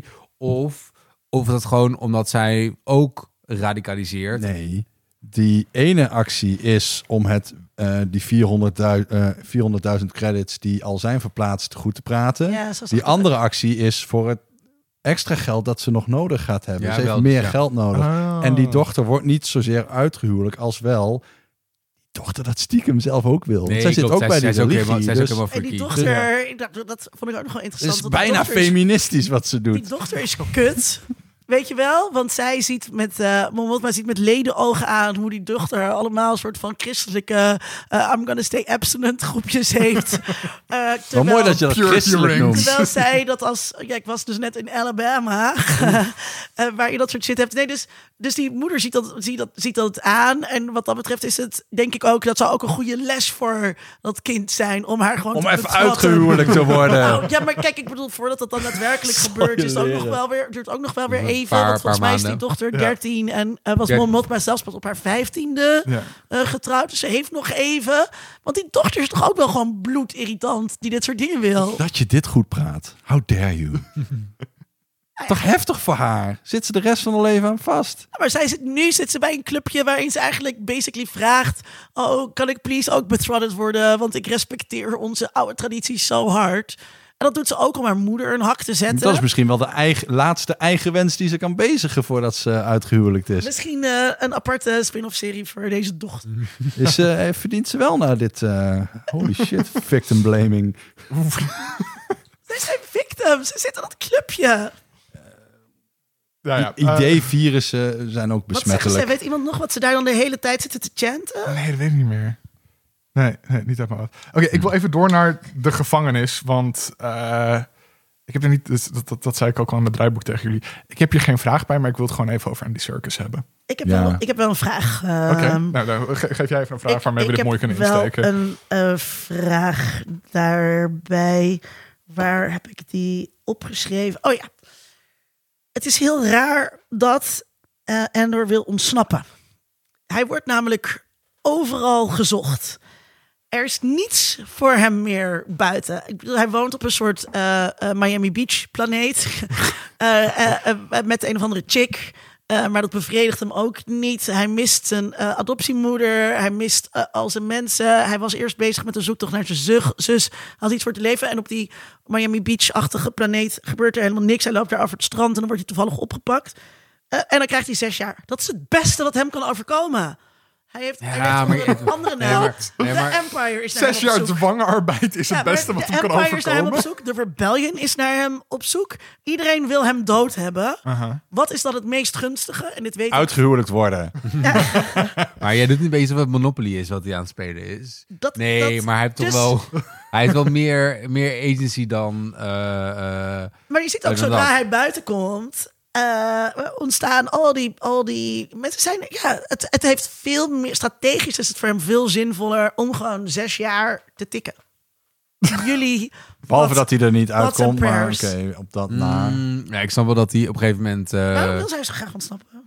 Waarom, hij daar, waarom hij daar weg wil? Nou, zo, zo graag. Omdat op een gegeven moment, eh, dat hij op een gegeven moment erachter komt dat het niet zes jaar is, maar dat het oneindig is. Maar dat is pas later. Hij hij is wil daarvoor al eigenlijk bezig met ontsnappen, hè? Het begin wil hij ontsnappen. Linda maakt hier in één volzin heel Star Wars kapot. Want je kunt ook zeggen, je kunt ook gewoon doen wat de Empire zegt. En gewoon lekker leven onder die dit is op perso- Op omstandigheden. persoonlijk vlak, want hij is helemaal niet ideologisch gedreven. Dus het is niet zo dat hij weer terug wil, omdat hij weet dat hij later de plans voor de Death Star moet gaan stelen. Hij is. eh, eh, hij Nee, werd- maar, hij, hij- maar, hij kan, maar ze hebben hem in Miami Beach hebben ze hem niet opgepakt omdat ze erachter kwamen wie hij was.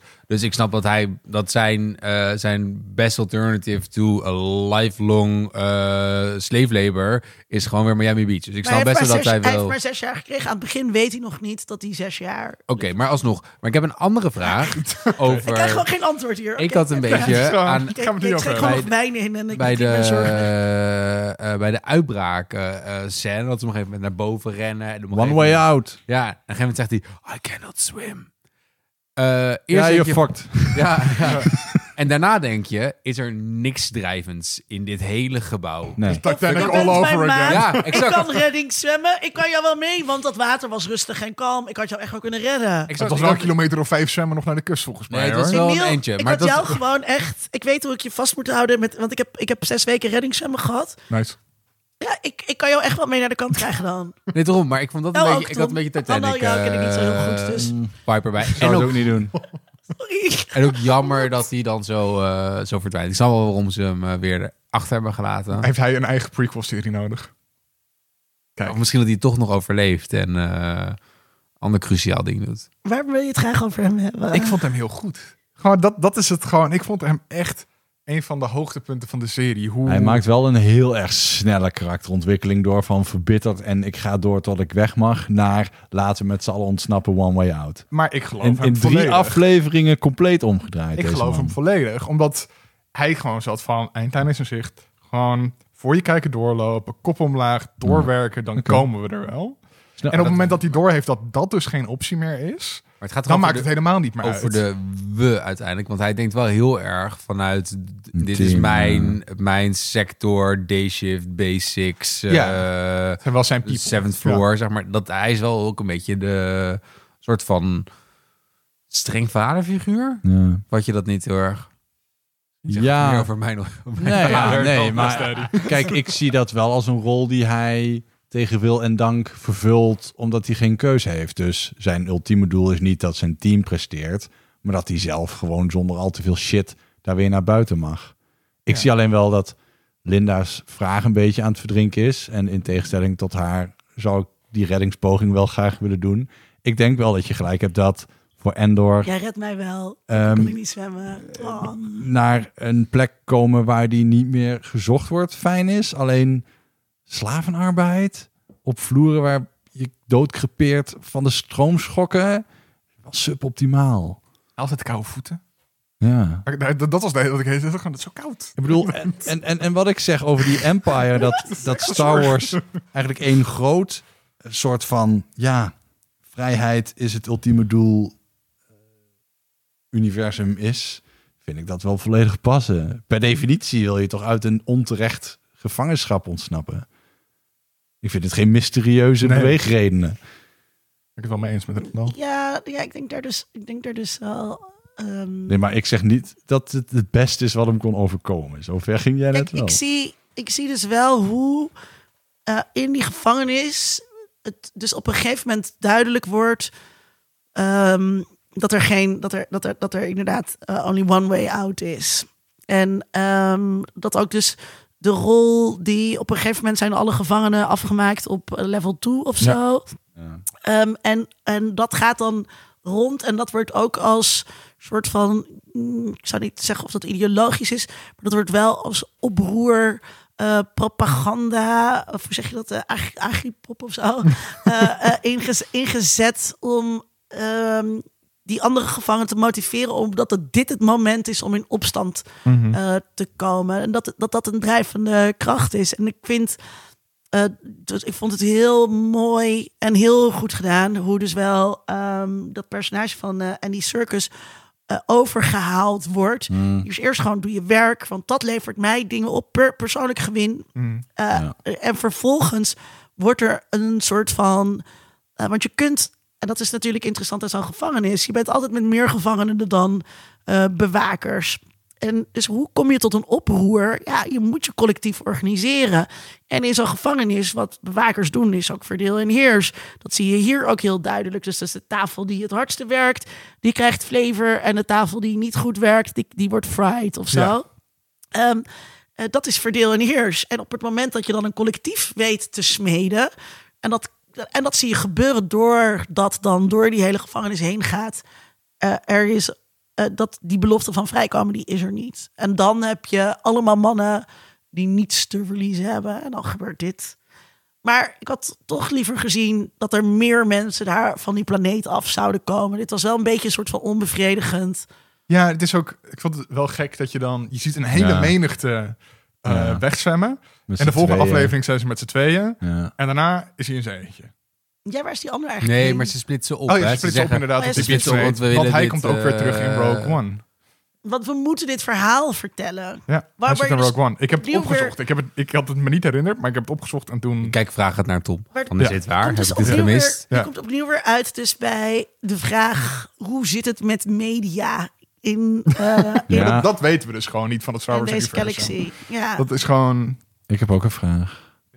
Wat, wat is je vraag? Hoe zit het nou met zijn zus? Want Ja. dat is de beginmotivatie. Die Ja. had hier heel makkelijk als soort van en ook- MacGuffin gebruikt kunnen Hij, zie- worden. hij ziet ook, ehm, zeg maar, als ze dan helemaal eh, in die flashback zijn, dan is er dus ook een heel knap meisje. Dat is niet zijn zus, maar een soort, volgens mij van love interest. Is dat ehm? Bix? Dat weet ik eigenlijk niet. Is dat ben ik zij al helemaal ook van die vergeten. planeet? Dat zat ik me de hele tijd Nee, dat lijkt me, lijkt me niet. Nee, volgens mij is Bix Volgens mij is, is, gewoon hij is gewoon daar eh, ehm, eh, meegenomen. En wat er met de rest is gebeurd, dat weet ik niet. Maar zij is waarschijnlijk is zij uh, dood. De showrunner zei erover dat ehm, hè, van komt zij nog terug in de in, in het in het tweede seizoen als een eh, als een deel van de arc. Hij zei van ja in de dat dat eigenlijk dat, En ze hebben wel de vertrouwensband die je zou verwachten van eh, jeugdvrienden. Ja, maar mm, ik, dat lijkt me, lijkt me heel sterk. Ook als ze daar nu niks mee zou hebben gedaan. Ook omdat zij weet dat hij van die planeet komt, dat bijna niemand weet. Ik vind gewoon die zus, die had je op elk moment in de serie van stal kunnen halen om hem weer motivatie te geven. Maar dat is dus ook een beetje een vraag van wat is er nou precies gebeurd op die planeet? Want het lijkt er dus op alsof er een mining accident is geweest. Waarbij alle volwassenen om het leven zijn gekomen. Ja, door die Want- groene walm die eruit kwam. Ja. Want zij zitten daar als een Oh ja, er soort... zitten, eh, nee, nog voor die groene walm heb je dus inderdaad dat alleen de kinderen zijn. Ja, ze zitten daar als een soort van eh, eh, Lord of the Flies. Alleen maar kinderen bij elkaar. Dus daar, daar heeft zich al iets voorgevallen. Dan komt er een patrouille van de Empire om te zien wat de situatie is. Eh, en daarbij eh, schieten zij dus eh, een van die patrouillanten, dus ik weet niet of dat een woord is, neer. Eh, en hij wordt uiteindelijk door Marva, ehm, wordt Cassian dan meegenomen. Maar volgens mij de rest komt er dan een soort van eh, vergelding op die overgebleven kinderen. En sterven die allemaal. Toch? Dat is een beetje een soort van... Dat, is de, dat, dat wordt geïnsinueerd. Ja. Ja, Dus dan is het, waarom denkt hij dan dat zijn zus nog leeft? Nou, wat Ja. zijn zus, maar zijn zus le- leeft dus ook nog. Dat is wat we in de eerste aflevering volgens mij wel leren. Dat zij in die, eh, ehm, eh, die sekswerker joint. Bordeel. Dat ze Oh ja. daar, eh, dat ze daar wel is.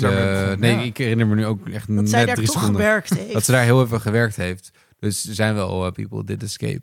Ja. Dat is Morlana One, toch? ja, dat is inderdaad Marlana One. Ja, ehm, ja, ik was helemaal vergeten dat dit, dit plotlijntje, zo van het begin van de serie, Maar ja, zij kan da- dus daar lijkt wel- het alsof Het is dat, ook- dat dat soort van de, de drijvende vraag van het Ik seizoen vind het ook wel mooi hoe ze net niet zeggen dat het een bordeel is. Maar toch ook weer wel. Het is gewoon een soort seksclub, bordeel. Er wordt geen seconde hardop gezegd. Het is echt dat je er komt voor gezelschap. Het had als ze. Als- Een plek waar je komt voor gezelschap. Ja, Wat zou dat kunnen Waar- zijn? Wat is een ander waarbij- woord daarvoor? Waar vrouwen hun echte, niet, hun echte naam niet gebruiken. Eh, meestal je hoeft mij niet te bordeel. overtuigen dat het dat is. Maar mijn punt is hoe ver Star Wars erin komt om het niet te zeggen. Ja, want in Star Wars zo- bestaat geen seks. bedoel, het is wel Disney waar we het over hebben. Ja, dat is waar. Ja, ja, ja. En ik denk dat als Disney het zover had laten komen dat iemand wel dat kamertje inging en een betaling zou hebben verricht, die braaf voorgelezen werd en zijn voeten werden ma- gemasseerd. Mag ik een andere vraag erin gooien? Het, het staat jullie volledig vrij om vragen te stellen, ja. Oké. ehm, Tom hoe geeft het op. Mag het? Nee, nee, ik geef Nee, niet op. sorry, Ik geef sorry, gewoon, sorry. je hoeft mij niet te Hoe vragen lang- of je een vraag mag stellen. Hoe lang, hoe lang geleden is het op dit punt in de tijd dat alle Jedi zijn verslagen? Jaartje of tien? Vier? Vier? Nee, tien toch? Tien. Eh, ik, had, ik dacht max 20 jaar. Hoe kan het dat iedereen het eigenlijk een soort van vergeten lijkt? Dat ehm, er wordt helemaal niet meer gesproken over de Jedi. Coco eh, merkte op. eh, geen één keer wordt de Force genoemd in deze serie, wat ik een hele scherpe observatie vond. Ehm, maar niemand heeft het over de Jedi en de tijd van de Jedi en dat die er ooit waren. Ik denk dat het komt omdat... Wordt er helemaal geen geschiedenis doorgegeven. Dus er zijn en geen media en geen geschiedenisboeken. Ook niet recent. Ze zitten in... Op Obi-Wan na zit elke serie een beetje in de outer regions van het stelsel waarin Far Far Away zich afspeelt. En dat zijn eigenlijk altijd al een beetje vergeten koloniën en planeten geweest. En waar, waar Jedi ook gewoon alleen maar En- legendes zijn. Ja, dus die krijgen nu last van de Empire, maar hebben daarvoor nooit voordeel nog last gehad van de buitenwereld. Maar Coruscant, eh, daar... Nee, daar ook niet. Nee, is dat niet... eh, Coruscant werd... Is de dat- Nee, nee, hoofdstad. nee, nee, van daar worden ze ook niet genoemd. Nee, daar worden ze niet, dat, genoemd. dat ze daar maar dat er, zijn, niet zouden er zouden ze wel, eh, zeker zeg maar, de politieke actoren, eh, die zouden wel die toegang moeten hebben. hadden we tot- nog maar die Jedi? Of, Maar ik ehm, zuig het uit de duim, dat is een zeer terecht en goede vraag. Maar ja, weet je, 20 jaar. Is er voor, nee, wat was het nou? Tien, Vijf. tien, tien jaar, volgens mij. Wat, na 10, 15 misschien. Want Ja. Ik denk dat er zit 20 jaar tussen 3 en 4. Hoe oud is Luke als hij... 20 of zo. Wacht, ik ga dit nu gewoon niet ouder dan opzoeken. 20. Fact-checken. Ja, je moet met die, met die, eh, met die Battle of uh, Yavin jaartallen. Between- Ze zijn, ze zijn Wanneer beginnen de Clone Wars? Dat is wel ongeveer. Order 66. Welk jaar? even door de Dead Era heen. Maar, maar voor natuurlijk een, een high fantasy setting is het een hele low fantasy serie. Wat bedoel je? Nou, kijk, er, er zijn wel. We zitten in een, in een, in een, eh, eh, in, in een ruimte met allemaal hele nieuwe technologische ontwikkelingen. Maar alsnog is het heel relatable, heel menselijk, heel weinig aliens. Het is.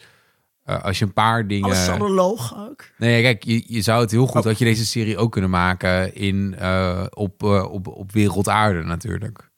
En dan verander je space schepen voor helikopters. Ja, dat er. is ook, ook wel letterlijk dat, dat de showrunner op een gegeven moment gezegd heeft van dat hij heel veel nou, uit de serie gewoon uit de recente Europese eh, geschiedenis heeft gehaald. Eh, van kolonialisme, eh, kolonialisme van, van Israël, van Zuid-Afrika. Gewoon overal waar een soort van onderdrukkingssystemen bestaan en verzetsbewegingen. Dat is waar dit van op gebaseerd is. Eh, ik heb het opgezocht. Andor speelt zich 14 jaar na Revenge of the Sith af. Dat is in 19 voor de Battle of Yavin. En Andor speelt zich 5 voor de Battle of Yavin af. Ja, dus dat is, eh, nou ja, ik weet 14 jaar geleden, het was 2008. Ja, dat weet ik echt nog heel goed. Maar wij- het is niet Jij alsof weet wij... 2008 ook nog best Ja, wel ja, het is niet alsof wij in elk dagelijks gesprek de financiële crisis van 2008 Nee, maar het is veel meer dan dat het was. Het is zeg maar, stel je voor, in 1940 vallen de Duitsers Nederland binnen. Het jaar is 1954. En dat is En dat- precies wat er in Nederland gebeurde. Wij hadden het toen niet over de, Tweede Wereldoorlog. Nee, dat was gewoon, maar gewoon was bek Wereld- houden, maar stel je voor dat die Tweede Wereldoorlog nog steeds gaande was. Dan Ja, hadden mensen het dus nog, nog steeds gehad over de tijd daarvoor. Toen we vrij waren, toen Mhm. de Jedi er waren. Maar denk je dat dat niet actief onder druk wordt en dat mensen ook wel weten dat ze daar Ben- over ik ben wel met Linda. Moeten houden? Dit is 2007 was het jaar van de iPhone. Dat is eigenlijk een soort van niet de eerste smartphone, maar toch wel de eerste smartphone. Ik ken de Nokia 3310 nog heel goed. En ik kan mijn Snake, Mhm. Snake. nog levendig voor de geest halen. het is niet de tijd waarin je de complete Jedi even vergeet. Nee, maar niet vergeet, maar het er niet in je dagelijkse gesprekken ja, ze zijn er net niet. Alsof, alsof we een soort 100 jaar verder zijn. En dat helemaal. Wat hadden ze dat- moeten dat- doen dat dan? Geheugen helemaal. Ja, hadden ze dan de hele tijd moeten zeggen van... Poeh, nou, sinds de Jedi weg zijn is het Ja. wel veranderd. Oh, dat is balen dat we nu geen Jedi hebben. Ja, dat had ik wel, dat had ik wel meer verwacht. Ik vond dat juist heel erg lekker aan deze serie... dat hij zo ver afstond van andere Star Wars dingen. Dat we daar, Maar ook weer dat- niet. Maar, ja, Kom maar ik ook toch weer weer wel. terug op die Death Star. Maar, maar qua, qua, qua sfeer, qua of Jedi en zo. Dit is weer net als Rogue One. En dat vond ik zo lekker aan Rogue One. Dat het wel Star Wars was. Het was wel die wereld. Maar het gaf echt iets anders, iets nieuws. Een soort frisse blik op die wereld die je nog niet Maar- kende maar daarvoor. En dat vind ik zo lekker hier. Maar niemand zegt ooit iets van... Voordat de Empire kwam, waren wij in ieder geval... Nee, maar je, wel in de, over de Senaat wordt volgens mij wel een paar keer gezegd van ja, in de Senaat is nu alleen nog maar dit en dit en dat. Dus ze hebben het wel over hoe de situatie daarvoor was voor de Senaat. Dat, dat er een democratie was. Vonden jullie het fijn? Wat Coco, Coco vond het fijn dus dat de Jedi... Of dat de Force nooit genoemd wordt. Het is een Force-free serie.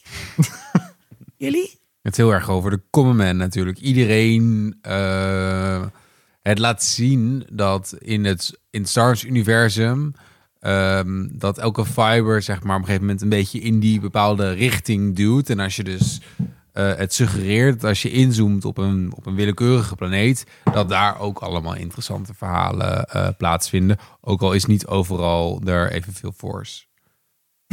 Ja, ja hartstikke leuk. Jij dan nog? Ik denk dat het een hele omslachtige manier van fanservice is. Want Ja? de afgelopen jaren sinds Disney Star Wars heeft overgenomen, hebben we fanservice altijd gezien als die karakters van vroeger terug laten komen. Mhm. En doen wat J.J. Abrams verstandig lijkt. Maar nu zijn we fanservice meer eh, gaan krijgen in de vorm waarvan we al die tijd riepen dat we het wilden. Namelijk, we willen weg bij de Jedi. Nou, Linda is het er niet 100% mee eens, maar eh, we willen een heel ander verhaal dan de Ja. karakters die we al kennen. En dat is nu wat we hebben gekregen. Dus het is een soort fanservice in disguise, wat mij betreft. Ja, ik snap het wel. Want ik bedoel, Disney heeft natuurlijk ook niet zitten slapen. Die had precies door hoe controversieel die, die en sequel-trilogie eh, ja. eh, was. En dacht ook van, dat gaan we niet nog een keertje doen. Nee. Er is ook een reden dat alle... Wat, hoeveel filmtrilogies zijn er aangekondigd en weer gecanceld of een stille dood laten sterven sinds Disney?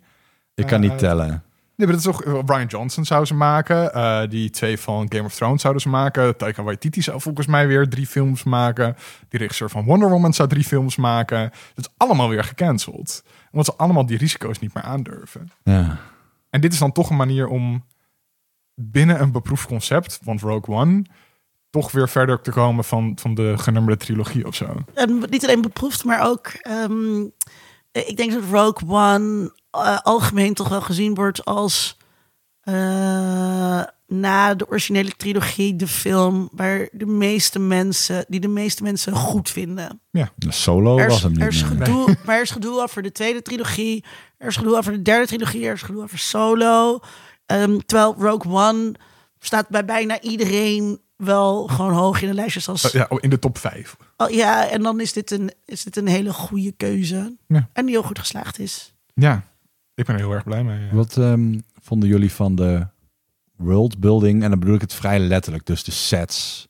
Gewoon hoe het eruit zag. Het used universe versus het, het, het mooi ge, ge- ge- gelikte cortisant. Ik, ik vond dat heel erg lekker werken, omdat ik... Het is mij op een gegeven moment gaan tegenstaan bij Mandalorian, eh Boba Fett en Kenobi. Dat ze dus de nieuwe technologie heel veel zijn gaan gebruiken. Dus dat is dat idee dat je een soundstage hebt met eh, een ledscherm op de achtergrond. En iets van een set op de voorgrond. Ja. eh, zodat je geen greenscreens meer hoeft te gebruiken. We daar iets te trots mee gepronkt, waardoor het je op ging vallen op een gegeven moment. Ja, en op het moment ging ik me ook tegenstaan, omdat wat je dan dus hebt vaak is een open ruimte met wat dingetjes op de voorgrond en een grootse achtergrond op de Ja, achtergrond. Dus je kon het elke precies. keer zien Juist. aan het type set dat het was. Eh, en Ging dat, jeuken. Wacht, je bedoelt dat, Ja. was een, dat er een, een geprint beeld... eh, nou, niet, niet een geprint beeld, maar het, het, het was een LED-scherm waar Ja. in real time de wereld, eh, de, de CGI-wereld werd gerenderd. Ten En opzichte dus dat, van de dat de camera. camera bewoog en dat de achtergrond dan mee bewoog. Dat En zie je dat als kijker 3D niet. effect- In principe niet. Maar Maar, je had als je erop door. gaat letten, dan valt het je op. Ja. Je, je setontwerp, je, moet, je kan niet bepalen, op een gegeven moment een bepaalde afstand zijn tussen Ja. die, dus die wand en zo. Ja, eh, en, en daardoor zie je het heel Ja. erg. En dat, dat begon me op een gegeven moment wel tegenstaan. En zeker bij Boba Fett, waar het duidelijk was dat ze gewoon één set dorpje hadden gemaakt. En voor de rest Ja. was het alleen maar dat. Eh, en dat vond ik heel lekker aan Endor, dat het, die, die sets werden gebouwd. Het, Ja. Ferrix Heel Ferrix moest er beleefd, zijn geweest. modderig. Het staat ergens op aarde, Ferrix. Ik kan Ja. daarheen en dan elk gebouw in en dan klopt het. Maar ik had daar één... Dus even, is de lofzang. Ze zijn heel ver gegaan om Ferrux er niet alleen echt uit te laten zien. Ik ben ervan overtuigd dat het bestaat. Ze hebben dit echt gebouwd. Ik denk, er wordt een keer een, een- theme park, een Disney omheen gebouwd. Alleen, eh, ze hebben daarin ook wat knipogen verstopt. Ik heb er op een gegeven moment over getwitterd in een opwelling toen ik het zag. Ehm, ik zei, leuk detail in Endor. Wie had vroeger ook zo'n geinig gereedschapskistje? En dan zo'n, ik weet niet, her- hebben de luisteraars niks aan, maar er is een gereedschapskistje. Dat is een soort zeshoek. En dan een soort ja, buisbalk, die kon je zo open rollen. En ik had die gereedschapskist Oh, vroeger. ik zie hem, ja. ja. En die staat opeens op een bureau in Endor. En voor mij was dat een moment van, hè, dat ding Een ken ik. object. En ik heb dat in, eh, in Oh, sommige ja. Marvel films Misschien moet ook even gezien. doorsturen Dat is goed, mij, voor de zodat, show zodat notes. we het op de Insta van Ja. jullie dingen kunnen En- zetten. Eh, zo heb ik wat meer dingen gezien achter in de set van ja, gewoon een kastje dat ik herkende. Het, het werd te En- echt voor je. Nee, ik had daar een diep respect voor. Omdat de setbouwers op een gegeven moment gewoon maar uit eigen kennis zijn gaan putten. Van ik wil dat het er zo realistisch Je kunt niet al het gereedschap, alle meubels, alle, alles wat in een huis kan staan Ik vond opnieuw het dus verzinnen. allemaal, waar waar ik dus heel, misschien heb ik het net ook al gezegd, waar ik heel lekker op ging, was die ontzettende alledaagsheid. ehm, Ja, eh, eh, het gewone, dit zijn normale mensen die op een planeet wonen. Die eh, een, eh, een taverne runnen of een, of een garage. En dan heb je dat soort bakjes heb je gewoon nodig. Ik ben, ook, ik ben ook niet uit mijn immersie getrokken. Want ik was nog steeds, ondanks dat ik die gereedschapskist herkende, heel erg in A Galaxy Far Far Away. Want ik, ik bedoel, je hebt ook Game of Thrones zitten kijken. En op een gegeven moment zie je zo'n Starbucks kopje. Er- Ik heb is geen moment dat ik een, weet ik veel, een, een pak Dreft heb zien staan of zo op een bureau. Waarvan ik dacht, "Hè, dat hoort daar niet. En dit klopte allemaal. Er was één moment, en dat is heel ironisch dat dat het was, waarop die... Ik weet even niet meer hoe die heet. Die, hoe heet die goede vriend, die met een wat bollere kop, die... Oh ja, Oh, eh. Brasso. Ja. Brasso, die was op een gegeven moment een telefoontje aan het plegen. Ik weet niet meer precies wat het verhaal was, maar hij moest dat telefoontje plegen. En hij staat in een telefooncel die gewoon brandschoon was. De muur was wit, eh, de glazen kon je doorheen kijken. En ik had toen als enige moment in die hele serie zoiets van... hé, wacht even, nou, is net zo'n stukje set waar de puntjes niet op de i staan. En dat dat het moment was dat ik me realiseerde hoe fucking goed die serie moet zijn... Voordat het mij irriteert dat de glazen niet vies genoeg zijn. In één scène die vijf Oh, seconden nee, nee, nee, duurt. dat klopt niet. Dit klopt niet. Dit mag niet.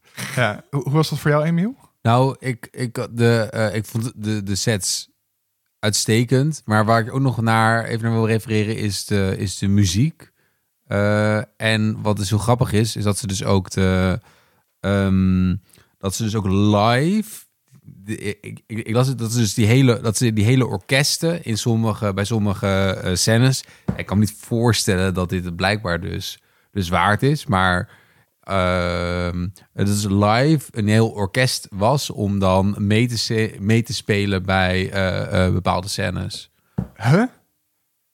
Maar Ja, ja, ik, nou, ik, ja. ik weet nu alleen die, die Ik ga dus op mezelf, maar ik weet letterlijk in, de, in het Eh, directors, in, wat is een van de, de director commentaar. En dat ze dus vertellen dat er dus dan Hoeveel budget hadden ze over? en dan zie je zeg maar zo, ik zie zo'n camera op een gegeven moment zo van die set zie je ze draaien en dan zitten daar, weet ik veel, zit er eh, een soort van een kerstbak in.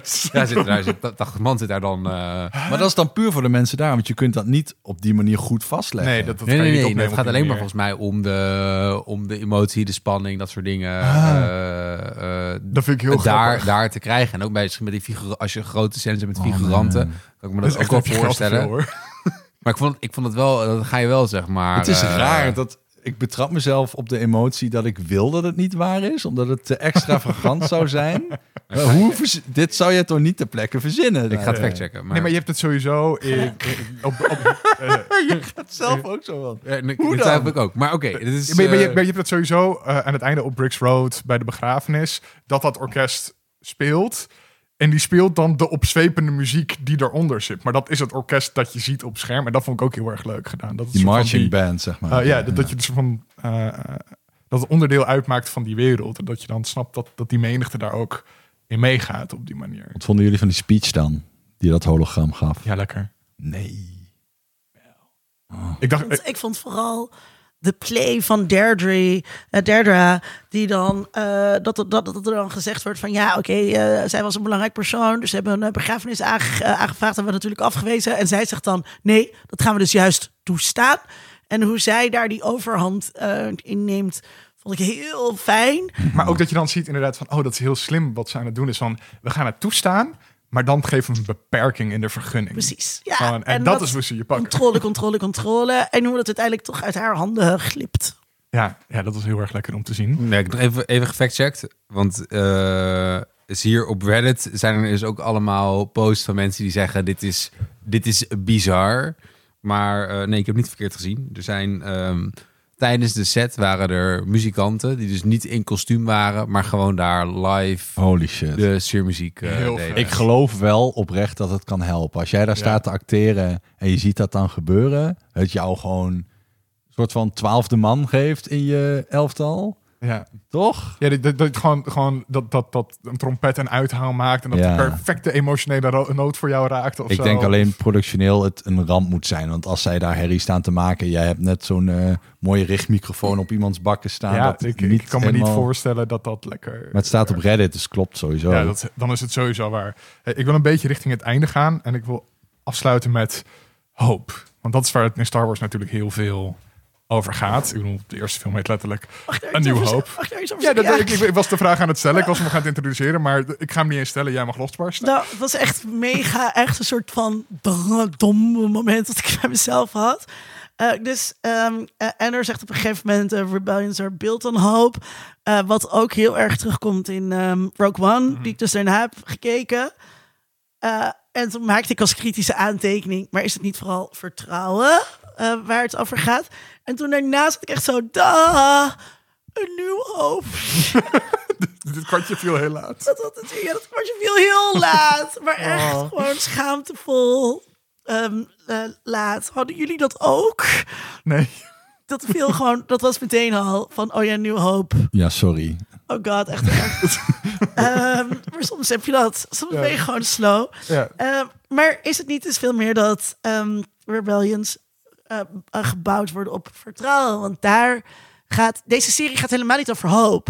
Deze serie gaat over vertrouwen. Dus het gaat heel duidelijk over dat eh, Luthen plaatst vertrouwen in Cassian. Hij vindt dan uiteindelijk dat hij het beschaamt, terwijl Cassian vindt dat dat niet zo is. Hij wordt geplaatst. We hebben het eigenlijk helemaal niet gehad over ehm, Mm. Eh, hoe heette die, eh, perso- die personages allemaal die bij die heist betrokken Ja, ja, ja, ja. eh, zijn. hele We hebben er niet over gesproken. Die Cassie natuurlijk terecht ook niet vertrouwen. Oké, op het laatste moment, zij zijn er al maanden bezig met voorbereiding. Op het laatste moment komt er iemand bij. Het gaat ook heel erg over vertrouwen bij Mon Mothma. Van, want het is voor haar wel echt heel heftig als je dan zo'n senator bent. Oké, dus je, je, je valt dan terug op je oude jeugdvriend.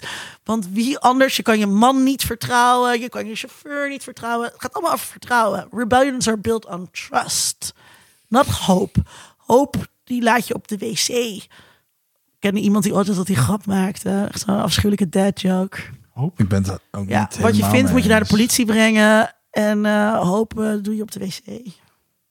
Maar I know, so sad. Dat is ze goed. vertrouwen elkaar in de aanloop naar de rebellion. Dus zij zijn nu de rebellie eigenlijk aan het ontketenen. Maar ze vertrouwen allemaal ook in Rogue One. Ja, Gaat, die ja, film ja. gaat ook Ja, niet ja. over hoop. Ja, ja. Die film gaat over vertrouwen. Vertrouwen plaatsen in mensen. Maar dit is wat ze eigenlijk helaas in de laatste trilogie pas claimen. Maar een soort van de spark. Dit is de vonk. Ja, ja, ja. Ik heb, Ja, hem, op- ik heb hem opgeschreven. We dus are the is- spark that will light the fire. That will, that will burn the first order down. We are the spark that will light the fire. That will burn the first order down. En ik Dus ze zijn dat- niet echt het verzet. Ze zijn de vonk. En die vonk moet elkaar vertrouwen, ja. Maar die ontketenen de hoop van het hele universum. Zo zie ik hem wel. Ja, voor mij was dat ook wel inderdaad dat je. eh, een, eh, je hebt een symbool nodig waar mensen naar op kunnen kijken, dat hoop kan geven, dat een voorbeeld kan stellen. Dat gaat niet om vertrouwen. Wat er op Ferrix gebeurt, gaat uiteindelijk om een gemeenschap die sure elkaar vertrouwt. Wie is dat dan? Wie is dan? Is, is Cassian Andor dat symbool? Nee, maar ik denk een gebeurtenis kan ook een symbool zijn natuurlijk. En dat is een, een opstand op Ferrix. En dat nieuws dat rondgaat van heb je gehoord wat daar gebeurd is? Dat is een vuurtje dat begint te branden. Maar ook dat wordt helemaal niet in Rogue One bijvoorbeeld. Als dan eh, Jin meegekregen moet worden. Want zij is eerst ook helemaal geen eh, onderdeel van de rebellion. Ehm, dat, dat, dat, is, dat is bij haar helemaal niet iets wat, wat ze... Wat ze nou, je kan Nee. zeggen, achteraf Ik ga, ik ga niet zeggen maar- dat het idee van een hoop goed uitgewerkt is in heel Star Wars. Maar het is wel iets wat ze de hele tijd terug laten komen als een motief. hopen jullie dat er... eh, wat, zijn jullie, wat, wat, wat hopen jullie voor het tweede en tevens laatste seizoen eh, dat is schrappen. Dit is goed zo. Wat? Tweede en laatste? Ja. Ja, ze hadden vijf seizoenen gepland. Aha. En Wat dit? En Hoe toen dan? hadden ze... eh, en dat hebben ze teruggebracht naar Want twee. hoeveel, hoeveel jaar zit er tussen... Want je zei net 14, Vijf. Ja, dus het, het, het, 14 Vijf jaar. voor... eh, en de- Rogue One speelt zich af in jaar min 1 of 0. Ja, zeggen dat dit was Eh, eigenlijk nul, het... eh. Ongeveer dat, ja. Ja. Nee, dus er zijn nog vijf jaar tussen de gebeurtenissen van de serie Endor en het opblazen van de eerste Death Star, mind you, niet de tweede. Mhm. En Daar kan je toch geen vijf seizoenen mee vullen? oh, Nee, nee, nee, eh, Disney denkt, dus niet hold doen. my beer. dat gaan ze dus niet doen. Ze, wil, ze plannen vijf. En vervolgens hebben ze dat nu Hold teruggebracht naar, naar één. Maar waarom? We- Weet je waarom dat gebeurd Eh, nee, dat ben ik niet... eh, Eh, wacht maar tot seizoen onzinnig 2 is. goed scoort. Omdat er veel interessantere verhalen zijn te vertellen. Je kan, wat jij ook zei aan het begin, Randal, je kunt dit uitmelken naar allerlei andere spin-off series. Die interessanter zijn dan Hmm. dit nou zo doorzetten. Ik zit Je kan ook Saul. Guerrera een eigen serie maken. Je weet dat dat eraan zit te komen. Ja. Zou ja. ik ook wel interessant vinden eigenlijk. Of, ehm, eh, hoe heet die vader? eh Gulen, de vader van de Jin.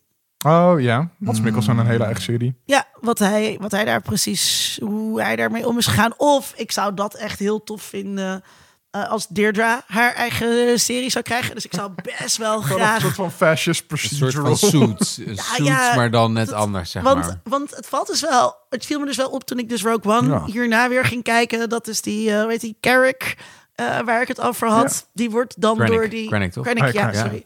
Die wordt dan door die admiraal, die ook ge- tot met CGI tot leven is geroepen. Ja. Of met de AI tot leven is geroepen, die, die heel bekend is.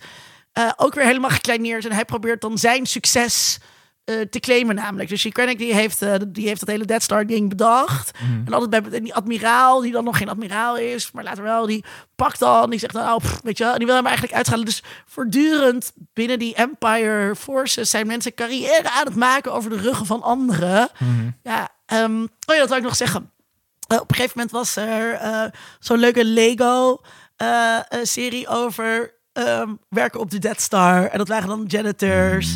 En hoe dat dan was. En, dan En Luke Vader- heeft ze allemaal vermoord. dan, ja, maar dan liep Darth Vader weer eens voorbij. Oeh, oeh, daar heb je de big boss. Nou, nou, weet je wel. En dit voelt dus eigenlijk als een soort van...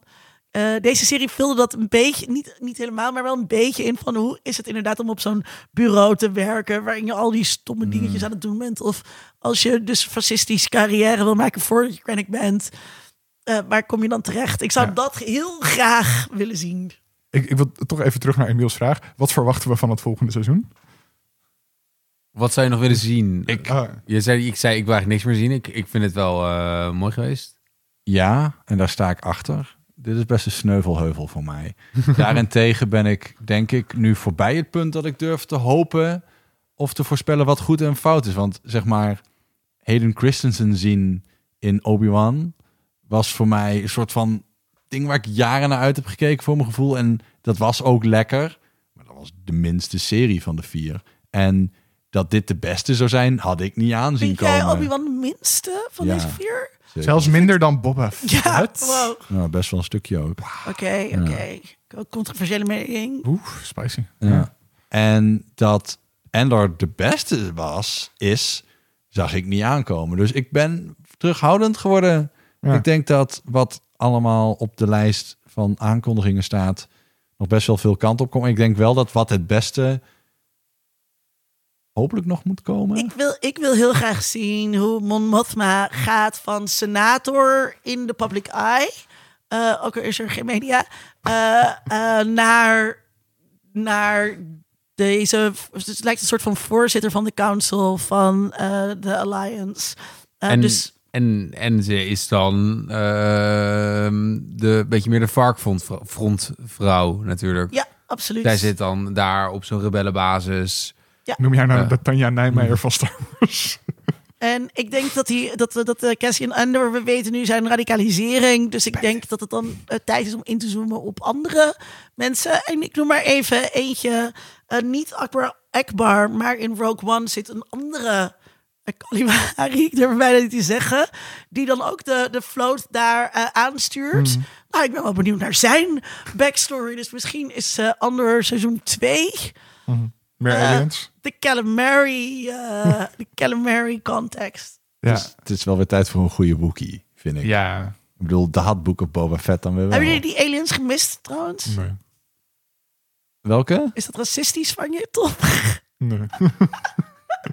er zit op een gegeven moment aliens in, maar die zijn ook alleen maar een punchline. Heb je die, eh, weet je nog, uit eh, episode 9? Die beesten die op een gegeven moment op die planeet feest vieren met al die kleuren die in de rond vliegen. Ah ja. Die beestjes zitten ook op een gegeven moment in de taxi met eh ehm eh, Luthen. Als die Huh? naast die irritante dude zit, Ja, die bedoel de je hele nou die blijft praten. kleine, die kleine kaddeldingen? Nee, nee, nee, nee. Nee. ook Die port. Die, eh, ik weet, ik ja. weet niet hoe ze Nee, Porks. maar die, die, die feestbeesten. Oh, Die feestbeesten. feestbeesten. Die met al die kleuren en zo Ja, ja. muziek staan te maken in een soort woestijn. Die zitten daar naast hem in de taxi. Ja, Ik was trouwens in Miami en er speelde iemand op een klarinet. Met een, met een, met een bandje. Het had mega Star Wars Cantina vibes Mm. daarbij. Ik, ik, ik heb een niet zo fun fact voor jullie over hoe die muziekstijl heet. Weten jullie dit? Shit, dit gaat iets kapot maken in ons. Maar kom maar op. God, het gaat een verschrikkelijke einde zijn van deze bespreking. Niet jazz, maar. God. Ach, ach, handdoek in de ring. In a world. In a. World. In a world. Oké jongens, eh, dat is- ik, ik kan niet anders dan daar gewoon een punt achter zetten. Eh, we gaan door naar de vooruitblik. Randal, waar heb jij zin in de komende tijd? Ik vind dat als ik in geeky dingen zit, ik even mag gaan geeken over een van mijn favoriete bands. En die gaan een afscheidstournee doen. Dus dat is alvast de spoiler. Maar het gaat over NoFX. En Mhm. de echte punkliefhebber zal zeggen, Randal, kom op. NoFX is toch geen onbekende kleine punkband? Nee, maar daar Ja. waren ze ooit wel. En heel lang ook. En wat ik heel erg waardeer aan deze band is dat die in de loop van decennia, 40 jaar mind you, Huh? Echt lang? heel dicht naar mijn hart zijn gekropen. Ze hebben eh, eh, eigen punklabels opgericht in de tijd dat de MTV-euro's je om de oren vlogen. Ze hebben eh, musicals gemaakt in de tijd dat je dacht, godsamme, muziek eh, is, is nu wel de meest lucratieve periode voorbij. Ze hebben boeken geschreven die eh, nog heftiger zijn dan de biografieën van Motley Crue. En tijdens corona zijn ze live concerten gaan geven voordat iedereen dat deed. En hebben de opnames van hun nieuwe album ook gepubliceerd. Waardoor fans dat gewoon mee konden beleven. En dat hele album effectief al hebben kunnen horen. En dat een band die al die tijd het meest punk is gebleven. eh, er nu een punt achter gaat zetten. Domweg, omdat de zanger van de band er geen zin meer in zegt te hebben. That's it. Kan je het hem kwalijk nemen dat Is- je na is- 40 jaar gewoon zit is van voor mij geweest? Het meest Als je dit als legacy hebt. statement dat je kunt maken. Ja, en eh, ze doen dat wel echt met een knaller, want ze geven steeds shows van meerdere avonden, waarin geen enkele avond twee keer hetzelfde mag zijn, vinden Oh. ze. En ja, ik weet niet onder welke brug ik moet slapen om ze in de Melkweg te zien, waar ze onwaarschijnlijk gaan komen. Het nummer eh, Bottles to the Ground is niet voor niks in Amsterdam geschreven. Hm. Toen ze hier een keer bivakkeerden en eh, er iets te veel flessen het raam uitvlogen. Ehm, ja, ik ben daarbij en het maakt me niet uit wat die kaartjes kosten. J- jij bent er. Ja, Ja. daar heb ik echt heel veel zin in. En dat is pas recent eh, een soort van publiek geworden. Volgend jaar waarschijnlijk. Ja, het is november, dus Ja, ja, ja. het is niet echt moeilijk te verzinnen, maar heel veel zin in. Ja, snap ik. Leuk. Vind het altijd leuk om soort van, van bands die ik zelf niet volg, dan zo'n superfan te horen, die dan met heel veel Oh, plezier erover kan praten. En dan heb ik, zelfs al is het niet mijn muziek, zin om er naar te gaan luisteren. Dus bed- bedankt voor deze tip. Mhm. Ja, had je nog een andere? Of eh, is dit het enige? Het is waar je- ongeveer hetzelfde verhaal, maar er is een zanger genaamd Ville Valo. En die komt uit Oh ja. Finland. Dus Ja, ik weet niet hoe je het uitspreekt. Maar die is vooral Van, bekend als de eh, Him, frontman van Him. Ja.